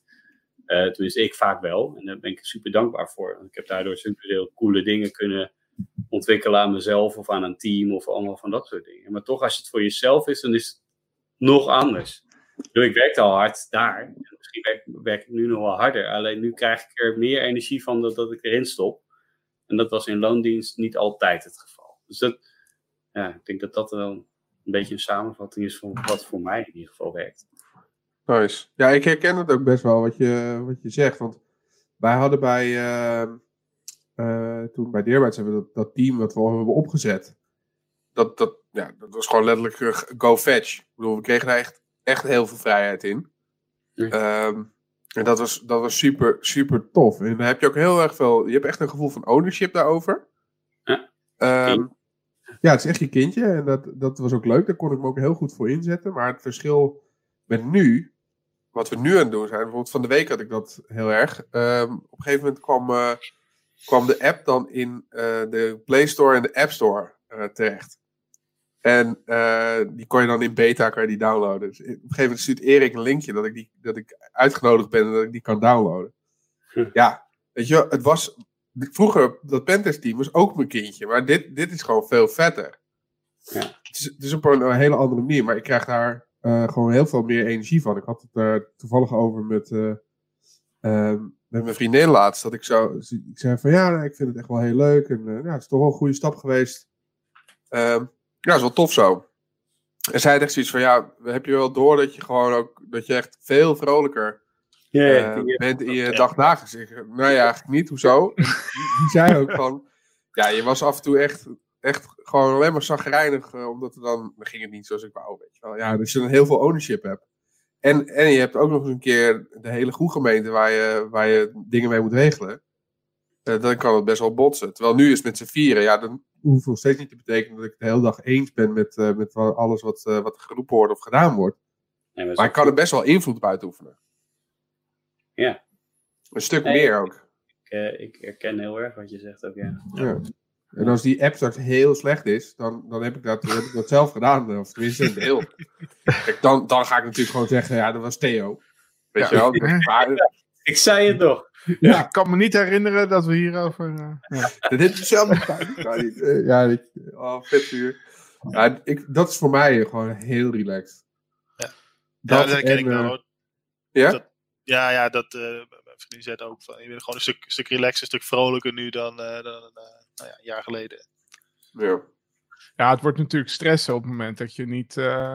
dat je geen business genereert. Ja dan heb je daar ook weer direct daar natuurlijk wel uh, kopzorgen van. Of weet ik vast, andere dingen in één keer fout gaan. Of uh, dat soort shit. Maar goed, dat... Ja, maar dat ligt toch meer in je, in je sfeer van invloed. Je wordt minder ja. geleefd en minder externe invloeden waar je niks over te zeggen hebt die, uh, die je raken. Nou, ik, ik, heb het zelf, uh, ik heb het allemaal heel geleidelijk uh, meegemaakt. Want ik ben zelf uh, gestart als stagiair destijds ooit bij, bij het bedrijfje wat daarna Deerbaards is geworden. Het heette niet zo aan het begin. maar ja, ik ben zelf qua functie daar langzamerhand ingegroeid. Maar het bedrijf is ook ja, steeds een beetje groter geworden.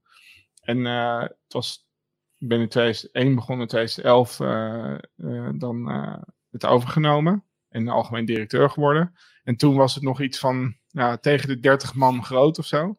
En vanaf dat punt uh, ja, is het, is het uh, naar de 100 gegaan uh, ten, tijde van de verkoop aan, aan KPN.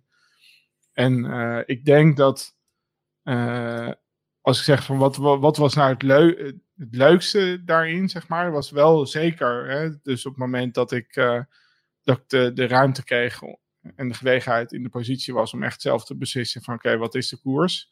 Uh, maar uh, ja, op het moment dat je richting de 50 medewerkers gaat, dan, dan komen er ook dingen uh, om de hoek kijken, zoals een OR en dat soort zaken.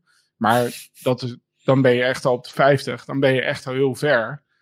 Nog een heel stuk voor die tijd ontstaan er al dingen en geluiden en de, aspecten in de organisatie waar je meer vanuit een managementperspectief mee bezig moet zijn. Dus als je een, ineens een team hebt met mensen die, die vergelijkbare functie hebben en die zichzelf ook met elkaar gaan vergelijken, dan, dan krijg, krijg je ineens aspecten die uh, lijken op uh, het gevoel van ongelijkheid uh, ten opzichte van elkaar. Weet je, waarom heeft hij een auto en ik niet? Waarom heeft, waarom heeft verdient hij dat en ik niet? En en, en soms zijn daar precies heel, heel, logische redenen voor. Maar soms is het ook dat je ook denkt als werkgever van, oh ja, ja, uh, dat is eigenlijk ook oneerlijk. Weet je wel, dus dat moet je dan weer rechten. Maar uh, je kunt je voorstellen dat dat op een gegeven moment, dat soort dingen dan veel meer je, je tijd gaan uh, in beslag gaan nemen. Dus ik denk dat, um, ik heb laat, later ook een keer in een training ge, geleerd dat als je naar een bedrijf kijkt, dat, dat een bedrijf het meest effectief is als het ongeveer een grootte heeft van 15 tot 20 mensen, of een team, moet ik zeggen. Overigens een, een onderdeel van Deloitte waar ik die training van heb gekregen. en dat was iets van 15 tot 20 mensen als team, dat is zeg maar het meest effectief. dus wat betekent dat dan voor een organisatie? op het moment dat je, dat je voorbij die grootte groeit, dat je eigenlijk zou moeten nadenken van hoe kan ik het misschien splitsen? Weet je, dat, je, dat je in plaats van één team van 30, dat je er twee van 15 uh, eh, krijgt. Weet je, zo, om, om het toch een beetje binnen dat team dan uh, effectief en efficiënt uh, te houden. En dat, daar, daar geloof ik al in. Dus als ik nu nog een keertje zo'nzelfde reis zou doormaken, al wel niet per se van plan ben om zolder zo, zo, zo groot te maken direct Um, denk ik dat, dat het inderdaad dus bijvoorbeeld heel erg interessant zou zijn om na te denken van ja, waarom zou je niet op een gegeven moment uh, Nederland in uh, Noord en Zuid splitsen? Ik noem maar wat, weet je wel. dus gewoon echt vrij radicale en duidelijke grenzen definiëren waarbinnen een team ja, actief kan zijn. Zodat het daarbinnen gewoon heel autonoom en als team zijn ding kan doen. Ja, het, het, spannende van zoiets zou dan weer zijn hoe dan die, die, die interteamrelatie is. Dat je niet zo zo ja. bij. Want dat is ook wel weer, als je, als je allemaal voor hetzelfde bedrijf werkt, dat is wel een cultureel ding. Ik heb ook voor een bedrijf gewerkt die had op een gegeven moment drie vestigingen in Nederland. En dat waren echt een soort eilanden, waar er een aantal mensen wel heen en weer reisden om dan een beetje die, uh, die brug te houden. Maar je merkte echt wel binnen die team van, oh ja, dat zijn die lui, weet je wel. Die zitten daar en uh, ja, uh, toch anders. Ja. Dus je, dan moet dat, die verbindenis moet je dan wel weer goed houden. Dat is wel een, een, een, ding. En dat is überhaupt, als iets groot wordt, is dat altijd lastig hoor. Kijk, wij, hebben de, wij zijn ook met, ja, jullie zijn met vier, dat, nou ja, en ook best wel geografisch gespreid. Hè? Dus niet echt allemaal echt op, uh, op fietsafstand van elkaar. Voor de gemiddelde fitte persoon in ieder geval.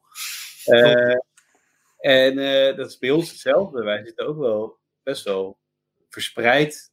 We, we hebben wel clustertjes een beetje, maar uiteindelijk uh, zitten we over de hele, de hele uh, horizon van Nederland een beetje. dus, ja. dus, en dat werkt goed als je met een kleinere groep bent, want dan kan je ook, en met z'n achter kan je nog wel een videocall houden. Met twintig vind ik dat al best wel interessant hoe dat zou gaan. Maar met veel meer, dan wordt het gewoon dan wordt of een chaos, of niemand zegt meer wat. En dan is de baas aan het woord, of degene die het verhaaltje houdt. En krijg je er een paar die brutaal genoeg zijn om wat te roepen. En dat is het dan. Ja, maar um, klopt. Ik, uh, ik, ik weet dat ik uh, er, ergens heel vroeg al heb ik een boekje gelezen. Ik ben niet, kan je die eens op scherm zetten, Rick? Ja hoor. Dus deze, die heet Eckhart Winsen. Hij is de oprichter geweest van uh, eh, IT-bedrijf BSO.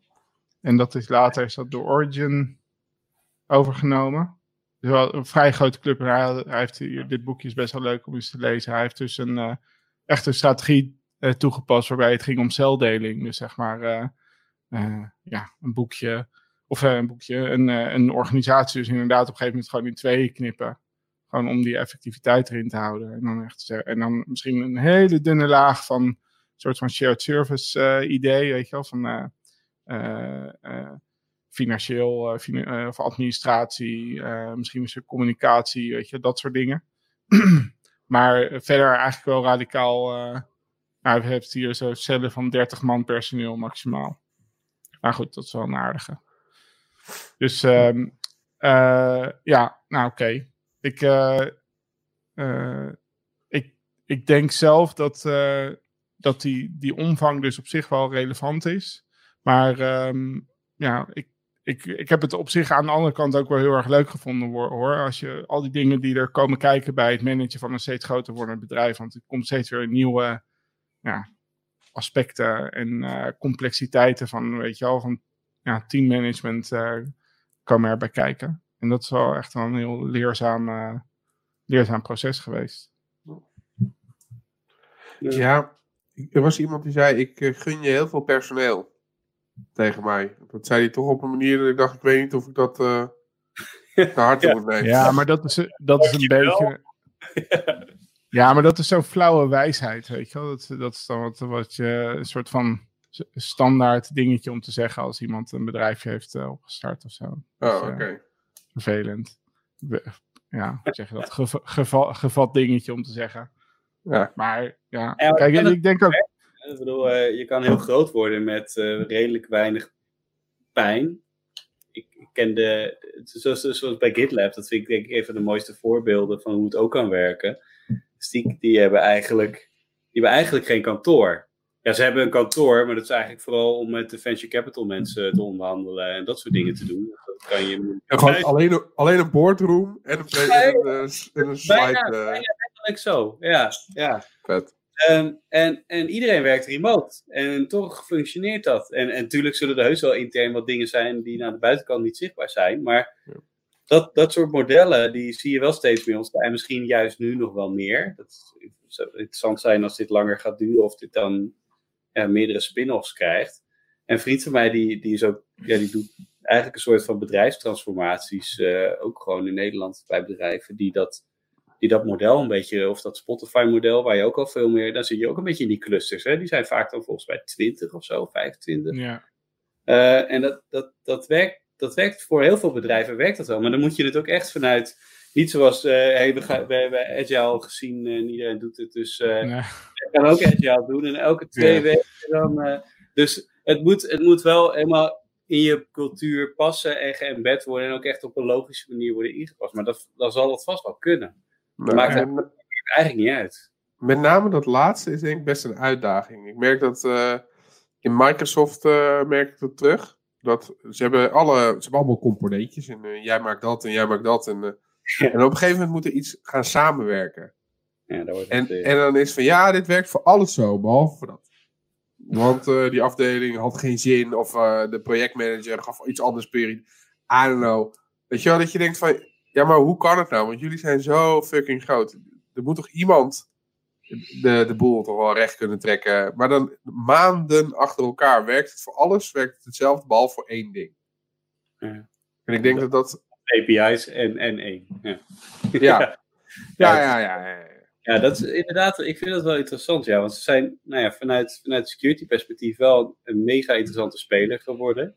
Zo, echt wel. Soort van out of the blue eigenlijk. Ze hebben ergens een knop opgezet van eh licenties verkopen, eh, dat is leuk, maar laten we gewoon ook meer security gaan doen. Nou, eh. Altijd gelijk eens een keer serieus. Nee, er zullen heel veel discussies en redenen geweest zijn, maar wat ze op dit moment doen, vind ik, vind ik over het algemeen in essentie echt vet. Ja. Alleen de praktische implementatie inderdaad is wat je zegt niet altijd even ideaal. En Oh. ik was verhalen van de binnenkant uit eh, waar ze dan ook, nou ja, je hebt dan ook, daar, daar zit ook silovorming. En Ja. daar zit Ja. echt altijd iemand die dat dan eh, even goed eh, samen weet te brengen. Waar je, nou ja, je hebt dat Sentinel product, je hebt Defender ATP eh, en je hebt nog wel meer ATP producten. En het is niet per se dat die lui met z'n allen een keer eh, per, per kwartaal samenkomen om een soort van globale strategie. Iedereen die rent ATP allemaal. Ja. ja, het kan top. En, en eh, gelukkig hebben ze in ieder geval dezelfde query language eh, eh, als standaard doorgedrukt. Maar API-wise en, en ook locatie van data en nou ja, nog wel set, ja, namen en, eh, en, en veldnamen binnen de data. Dat is niet altijd Ja. even voor. Dat is gewoon een soort, nou ja, je kan de hele lelijke woorden allemaal wel voor verzinnen, maar het is gewoon een bende. Ja, ja.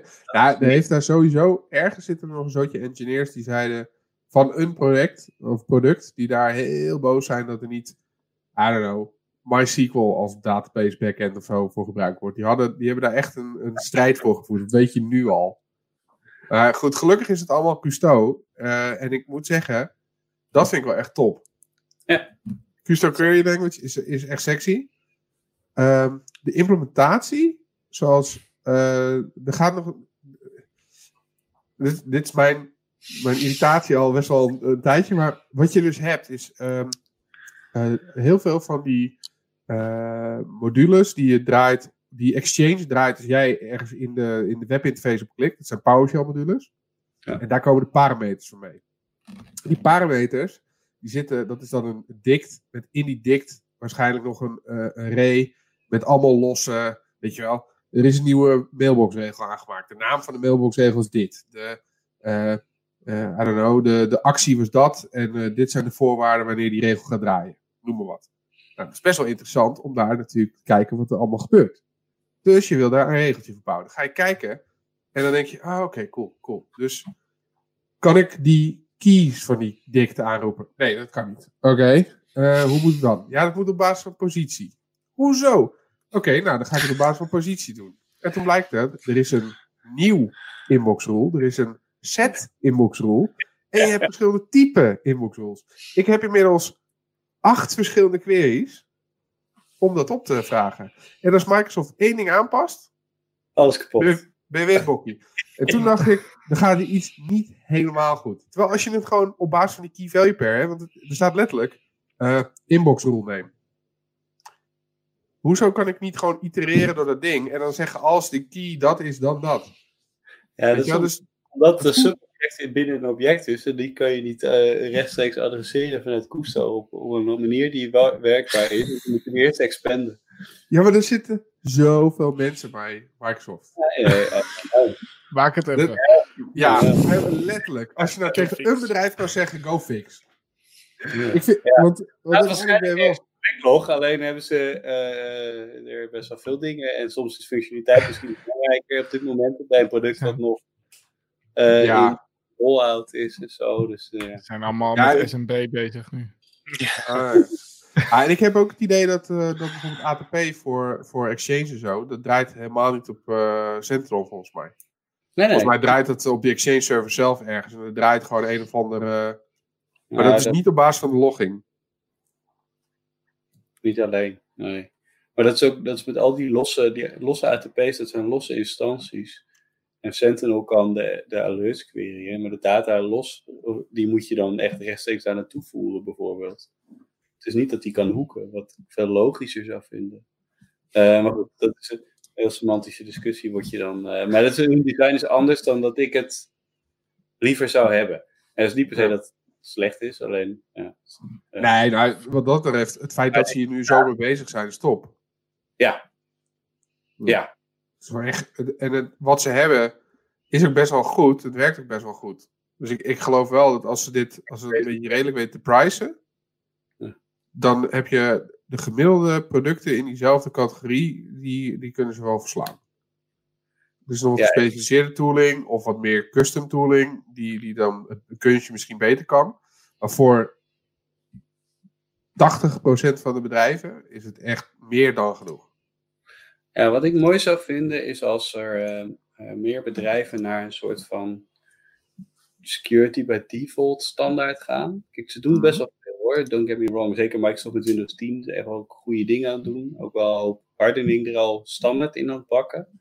Maar mhm. toch is het best wel, nou ja, als je een standaard Windows 10 bak tegenwoordig krijgt als red teamer, heb je het al wat moeilijker dan met Windows 7. Want dan kon je gewoon bijna, ja, was het heel veel makkelijker. Dus die, het gaat wel, het gaat alleen soms net niet snel genoeg. En dat is voor de meeste organisaties die een beetje een goed solide team hebben zitten niet per se een probleem. Want die die snappen het wel, die, die zien ook de baseline en die implementeren hem dan zelf wel. Maar waarom zou je het er niet gewoon al rechtstreeks inzetten voor Derpy en uh, uh, maar voor mijn moeder of zo, weet je wel, die een laptop koopt en uh, meteen uh, Emotet erop hebt staan omdat ze toevallig ja, die spam interessant vond en heeft. Ja.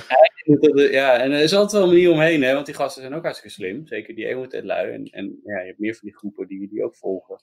Die, mm echt wel goede dingen weten te vinden. Maar als je, ja, het, zou, het zou makkelijk, maar dat is altijd weer. Dus misschien is dat ook gewoon, dat hoor je heel veel in die, in security dingen, waar ik, wat ik soms irritant vind en het nu zelf ook doe. Dus die, het is makkelijk om te haten, maar om te fixen is, is vaak veel moeilijker. Ja, ja zeker weten. Uh, wij waren uh, vorige week uh, netwerk opbouwen. West was daar veel mee bezig. En het is twee weken geleden. En toen belde hij op een gegeven moment. Hij zegt, ja, maar wat ik nou aan het doen ben, dat is toch gewoon heel standaard. Hoezo was er, het kwam erop neer, je had een soort out-of-band management nodig voor je hele netwerk. En je had je reguliere management. Maar hoe kan ik nou, ik wil het VPN waarmee je in één keer in, overal bij kan, wil ik natuurlijk niet blootstellen aan de, de echte wereld. Dus ik wil een soort hopping point maken en hoe moet ik dat doen? En natuurlijk kan je dat allemaal wel bouwen, want ja, soortje Linux en een soortje firewalling, en dan kom je er wel. Maar hij zei, hij zei vroeger, waarom is het niet gewoon default? Waarom moet ik zo moeilijk doen? En heb ik het gevoel alsof ik hier het wiel aan het uitvinden ben? Uh, dat terwijl ja, een gemiddeld bedrijf zou dit moeten hebben. Toch? Ja, daar, daar, hij heeft er nu ook een blog over geschreven. Het moet nog op, online komen allemaal. Maar dat, daarvan dacht ik ook van ja, zie dat zijn van die dingen waar je tegenaan loopt, dat je denkt van nou, dat is, dit is al lang opgelost. En niet dus. En security is ook, pentest is soms ook wel makkelijker in die zin dan het fixen hoor. Omdat Ja, het ja. gewoon over veel meer schijven gaat en veel meer mensen die zich ermee bemoeien. En, Ja, ook, maar ook in adoptie, weet je wel. Het is hartstikke tof. Stel dat, Mi- dat Microsoft op een gegeven moment zegt, hey Azure, dat is allemaal hardened by design. Super complex. Eh, De gemiddelde, de gemiddelde IT'er die dan, eh, sommigen die doen dit al 30 jaar, weet je, die krijgen dan nu ineens die portal voor hun neus. Nou, hey, we gaan eh, aan de cloud first, eh, jongen. Dus Ja. de data gaat uit. Ga jij hier maar nieuwe VM'tjes bouwen. En uh, het werkt niet meer, dus die gast wordt helemaal gek. Dus daar gaat die adoptie ook niet van. Of misschien zo procure met iemand al, weet je wel. Dus die adoptie willen ze ook hoog houden. Dus ergens zitten ze altijd op zo'n balans, of op zo'n dunne lijn te balanceren, die dan vanuit ons ja, gebied super kut is. Maar Mhm. zo- zo'n, zo'n, eh, ja, vanuit de andere kant is dit gewoon, hey, dit werkt gewoon, het is toegankelijk en het is nog wel redelijk een beetje veilig. Maar Ja. en ze zijn er wel meer mee bezig. Je hebt ook warnings en nou, wij krijgen ook allemaal alerts. Ik had laatst eh, 3D9 even opengezet naar een van mijn VM's. Ik kreeg gelijk, eh, gelijk een mailtje, weet je. wel. Dan, dat, is, nice. dat is perfect. Super goed. Top.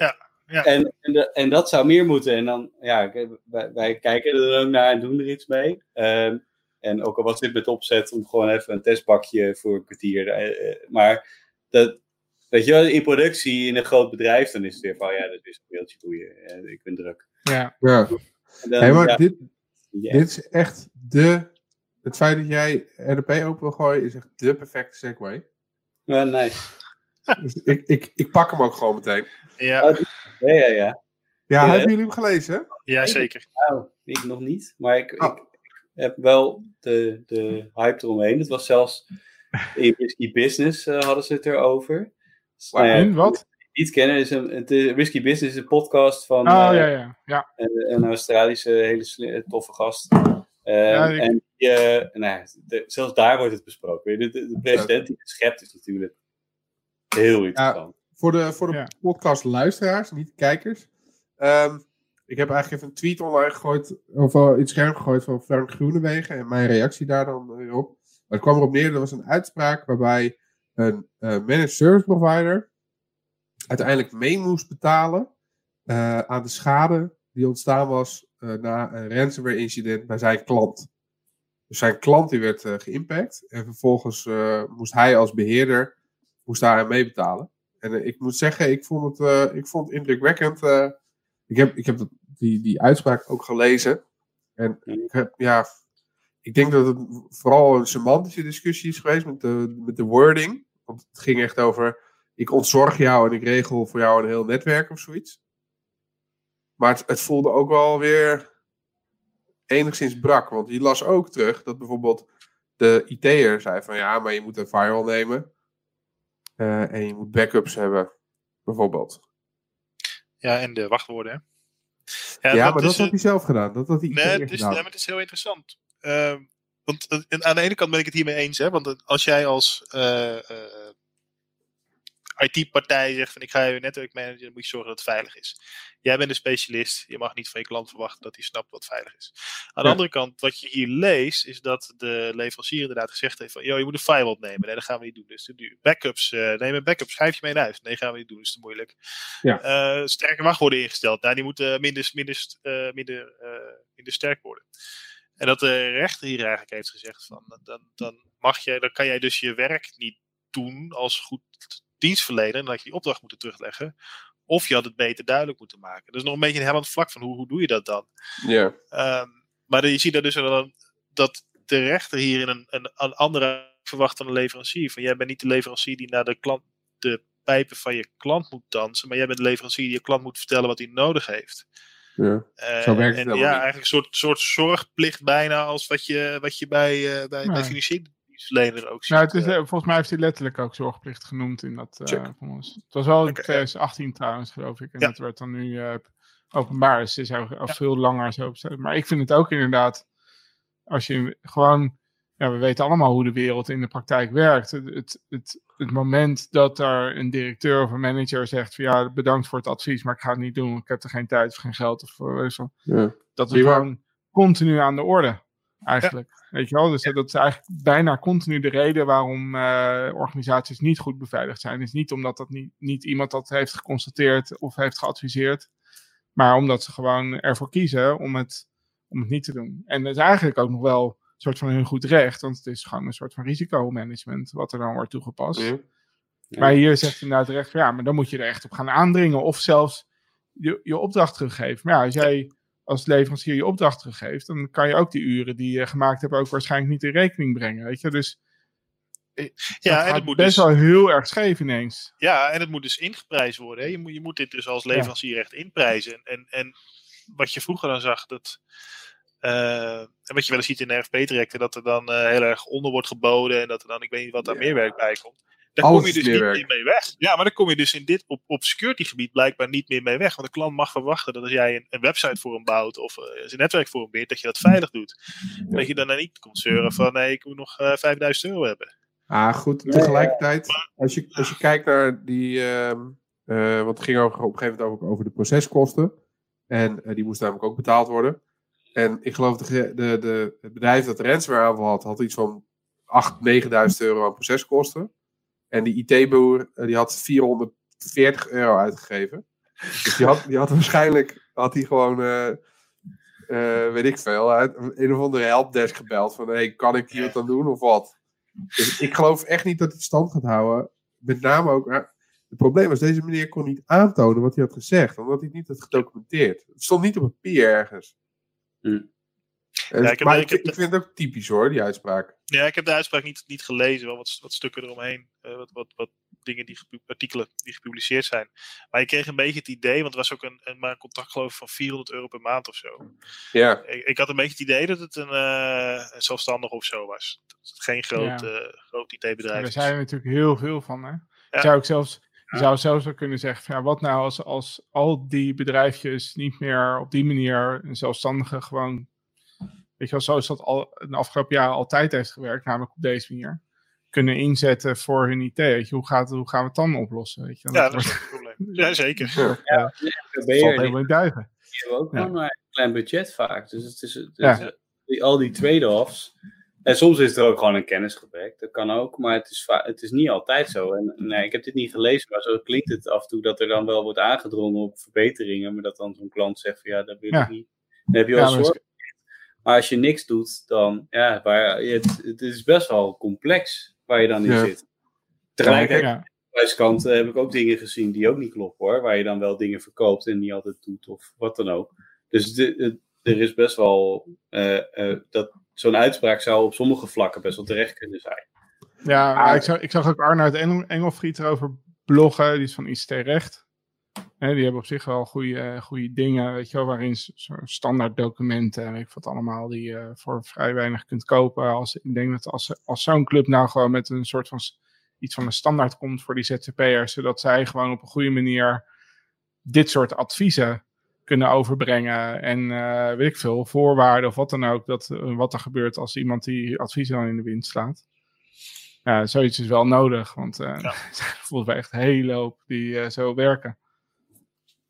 Ja, ik ben ook wel benieuwd, hè, want de, bedoel, die, heel veel van die MKB'ers die lezen ook de krant of kijken het nieuws en zo. En daar, daar is de laatste twee jaar natuurlijk best wel een ex, extreme groei aan rapportage over allerlei incidenten, ransomware, ja. Uh, weet ik veel, password leaks, alles. Die zullen ook wel meer vragen gaan stellen. Dus uh, hopelijk. Ze moeten denk ik ook wel beter, toch? Ja, eens. Maar dan wordt het in ieder geval ook vanuit de klantenperspectief uh, uh, dat daar meer focus op zou moeten zijn. Als, uh, ik merk best wel vanuit een hoop klanten dat je ook op boordniveau dat er nu ineens veel meer aandacht op is. Wat een paar jaar geleden was het al van ja, we weten wel dat het moet, maar het is toch wat duur. Dus het is niet altijd zo'n makkelijke discussie. En nu is het nog steeds geen makkelijke discussie. Maar dan hebben ze in ieder geval snappen ze de context veel meer. Dus dan kunnen ze soms ook nog wel eens een keer wat inhoudelijkere vragen stellen dan van waarom dan. Maar dus in veel gevallen is het dus nog niet duur genoeg. Uh, ja, ja. De, de, de prijs die je betaalt als het misgaat, of de prijs die je nou, betaalt. Nee, de diensten moeten dus als het ware duurder gaan worden. Want je moet in één keer veel meer dingen gaan regelen voor die klant. Want anders dan is het niet goed. En dan krijg je achteraf. Uh, ja. Of je moet het heel goed documenteren wat zij allemaal hebben gedaan en wat jij er allemaal van gezegd hebt, natuurlijk. Dat kan ook. Ja, de, die, dat, heel veel van die uh, kleine IT-bedrijfjes die rennen de benen uit hun broek om alles in de lucht te houden en, en dan weer even iets nieuws erbij. Uh, de vader van een, van een vriendin van vroeger, die, die deed dit. En die man die werkte zich drie slagen in de ronde met de beste intenties. Ja. ja. En dan heb je heus wel een keer een klant die zoals dit, waar dit kan gebeuren. En ja, kan je dat dan kwalijk nemen? Misschien waarschijnlijk niet eens. Ja. Ehm, nee, maar ik heb dat met pentesters ook meegemaakt hoor. Dat je dan een opdracht krijgt en dat je zegt van ja, maar als je het goed wil doen, moet je eigenlijk dit en dit ook testen. Ja, maar dat is te duur. Ja. ja Oké, moet ik dan weigeren? Is dat dan nu de Ja, ja dan, kijk, dan is, dan is je rol natuurlijk anders. Alleen uh, je, je, zorgplicht is er dan waarschijnlijk nog steeds wel, weet je. Dat je echt, echt nog wel... Ja, ja, ik denk dat als jij. Ja, ik denk dat je zou kunnen zeggen dat op het moment dat je inderdaad offensive of uh, met pentesting ergens een of andere kwetsbaarheid vindt. En, en je, toon, ja, je zegt er wat van en je zegt van nou, je moet het fixen. Want anders, hey, SMB, weet je wel, SMB is, is kwetsbaar en er wordt nu uh, gewoon op, op gescand. Dus fix het. En ze doen het niet. En vervolgens zijn ze geransomd. Weet je wel ja, heb je dan voldoende aan je zorgplicht gedaan om ze onder de aandacht te brengen dat ze het wel moeten fixen? Ja, terwijl je ja, ik denk dat kan doen. Het verschil is natuurlijk wel, denk ik, dat in die casus dat, dat uh, de leverancier, de IT er ook echt zei van ja, je hebt een totaaloplossing, ik beheer jouw netwerk. Dat is natuurlijk wat anders dan ik, ik test waar jouw kwetsbaarheden zijn en ik, en ik, uh, ja, ik lever een rapport op welke dat zijn en dat is dan de dienst. Dat is wat anders. Maar goed. Fair enough, maar je zou het door kunnen trekken. En dat zou uh, natuurlijk nog veel raarder worden. Ja. Ik ben nu gehackt en dat is jouw schuld. Ja. Ja, nee, jouw shit was al niet goed. In principe staat in jouw pentestcontract ook alweer een ding van... hey, we hebben een bepaalde scope en het is timebox, dus we kunnen nooit alles vinden. Ja. En ben je alweer gevrijwaard. Ja, bereid dat je helemaal vrij van dat je het gezien had moeten hebben. Ja, misschien ben je wel een slechte pentester, maar misschien uh, was het ook wel gewoon zo'n exclusieve bug. Ja, dat is ja. altijd sowieso wel eens niet een discussie. Maar als je ja. hebt wat het hier lijkt te zijn, ja, dan, dan, dan heb je een slecht verhaal. En dan ja. Kan je het ook ik niet denk, ik denk, ik denk dat als je, als je CISP hebt, dat je dan eigenlijk overal mee, mee uh, wegkomt. Ja, dan kom je nergens meer mee weg. Nee? dat had je het allemaal moeten weten, toch? Maar dat is, oh, ja, oh, ja. Nou goed, kijk, in deze discussie was het ook typisch hoor. Want uiteindelijk uh, voerde dan die leverancier ook op. Ja, maar je had ook gewoon een firewall moeten hebben. Dan uh, was het beter geweest. Dan dacht ik, ja, hoezo? RDP, uh, er was, RDP Gateway hing in internet. En het wachtwoord was welkom 01. Weet je, Het is niet als die firewall er wel is. Dat RDP Gateway, die was gewoon nodig voor thuiswerken. Hè? En welkom 01 was nog steeds het wachtwoord. Goed, of ze dan ook het hele netwerk naar hadden gepopt. Hè, want er was natuurlijk vast, die, hele, die, die mooie firewall was vast ingezet voor een hele goede segmentatie. Ja. Goed, ik vraag het me af. Ja, ja, ja, inderdaad. We hebben laatst ook heb ik een soort van, ja, het is niet echt IR-klus gedaan bij ook zo'n kleiner bedrijfje waar ook zo'n enkelige IT-boer zat. Ja. Uh, nou ja, de lijst met bevindingen was uh, extreem lang, maar dat ging dan meer over de implementatie en niet per se over het incident dat er gebeurd was. Weet je? Dat was ook een, ja. dat was een Windows 10 box die met een extra DLL'tje aan het internet hing om uh, toch wel iedereen te kunnen laten RDP, in plaats van niet alleen één sessie. En, en nou ja, allerlei dingen bij elkaar. Dus die klant die weer zegt, ja, die had, die had gewoon iets geregeld bij zo'n bij zo'n ja. Die, die, hij weet, hij is specialist, hij, en die gast wist best wel wat hij deed, uh, uh, maar niet op de goede manier. Dus ja, kan je, die klant kan je niet helemaal kwalijk nemen. Die zegt ook van ja, in mijn bedrijf is dit, ik snap IT niet, dus ik heb hem. Ja. Hij er toevallig een mega potje van maakt. Ja, dat, dat, dat, klinkt een beetje net als hier. Maar ja, dan kun je die mensen het ergens niet helemaal kwalijk. Ik bedoel, hetzelfde met jij, wat je net zegt over accountancy. Dan kun je je vier keer uitleggen en, en, de hoofdlijn snap je, maar daarna haak je toch wel snel af, omdat het allemaal over dingen gaat. Ja, A, ja. dit is en B, je, je bent met hele andere dingen uh, ben je goed in. Ja, iedereen moet zijn eigen ding kunnen. Dus dan, ik vind het, vind het wel een moeilijk, uh, een moeilijk ding waar je dan de... En dan zo'n IT-boer, ja, in, deze, in dit geval uh, kan je hem gewoon heel veel dingen kwalijk nemen. Zal je juridisch ook nog best wel net komen. Maar bij zo'n bij zo'n andere, waar, waar die met de semi-beste intentie nog wel ook de goede dingen probeert te doen, maar zo'n klant heeft er geen zin in, ja. Dan wordt het best wel snel wel eens niet. Ja, daar is hij dus op verloren, wel eens niet spel dit keer. Ja. Kostte hem 10.000 euro. Tja. Nou, dat valt nog mee. Ja, ze eiste 50. Maar ze eiste, dat was een accountancyfirma die gek was. Dus die hadden ook letterlijk... Oké, hoeveel kopjes koffie heb ik in mijn stress gedronken? Dus die- Ik denk hele dure hit. Ja, dus eh, oké. Nou ja, 10k, ja, dus, dus wel pijn. Maar eh, ja. ja, Twee, twee jaar werken hè, voor die 400 per maand. Ja. dat wel. ja, als Ja. hij meer kan, dus dan kan hij het leiden. Eh, ja, ja. Maar, dan, dat is wel... Als het risico natuurlijk voor een dienst die dus nog in, geen- in vier jaar tijd eh 10.000 oplevert. Als het Ja. risico dan al 10.000 is, is het dan Ja, even dat de moeite waard, hè? nee. Maar goed. hey, jongens, ik moet heel nodig plassen. en ik ben degene met de knopjes. Ja. Dus eh, ik wou er een eind aan breien. Is dat oké? Ja, zeker. Dat is Nice.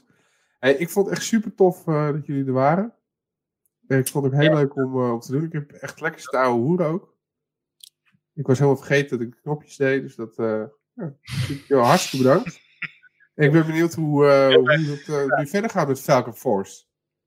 Ja, en wij met Zolder uh, ja. laten we het nog een keer doen over een tijdje. Kijken hoe ja, voor een jaar. Dat gewoon, dan kunnen we terugkijken. Ja, ja. is het allemaal Ja. geweest uh, wat we hadden verwacht, zeg maar. Oh, nice, dat vind ik wel leuk eigenlijk.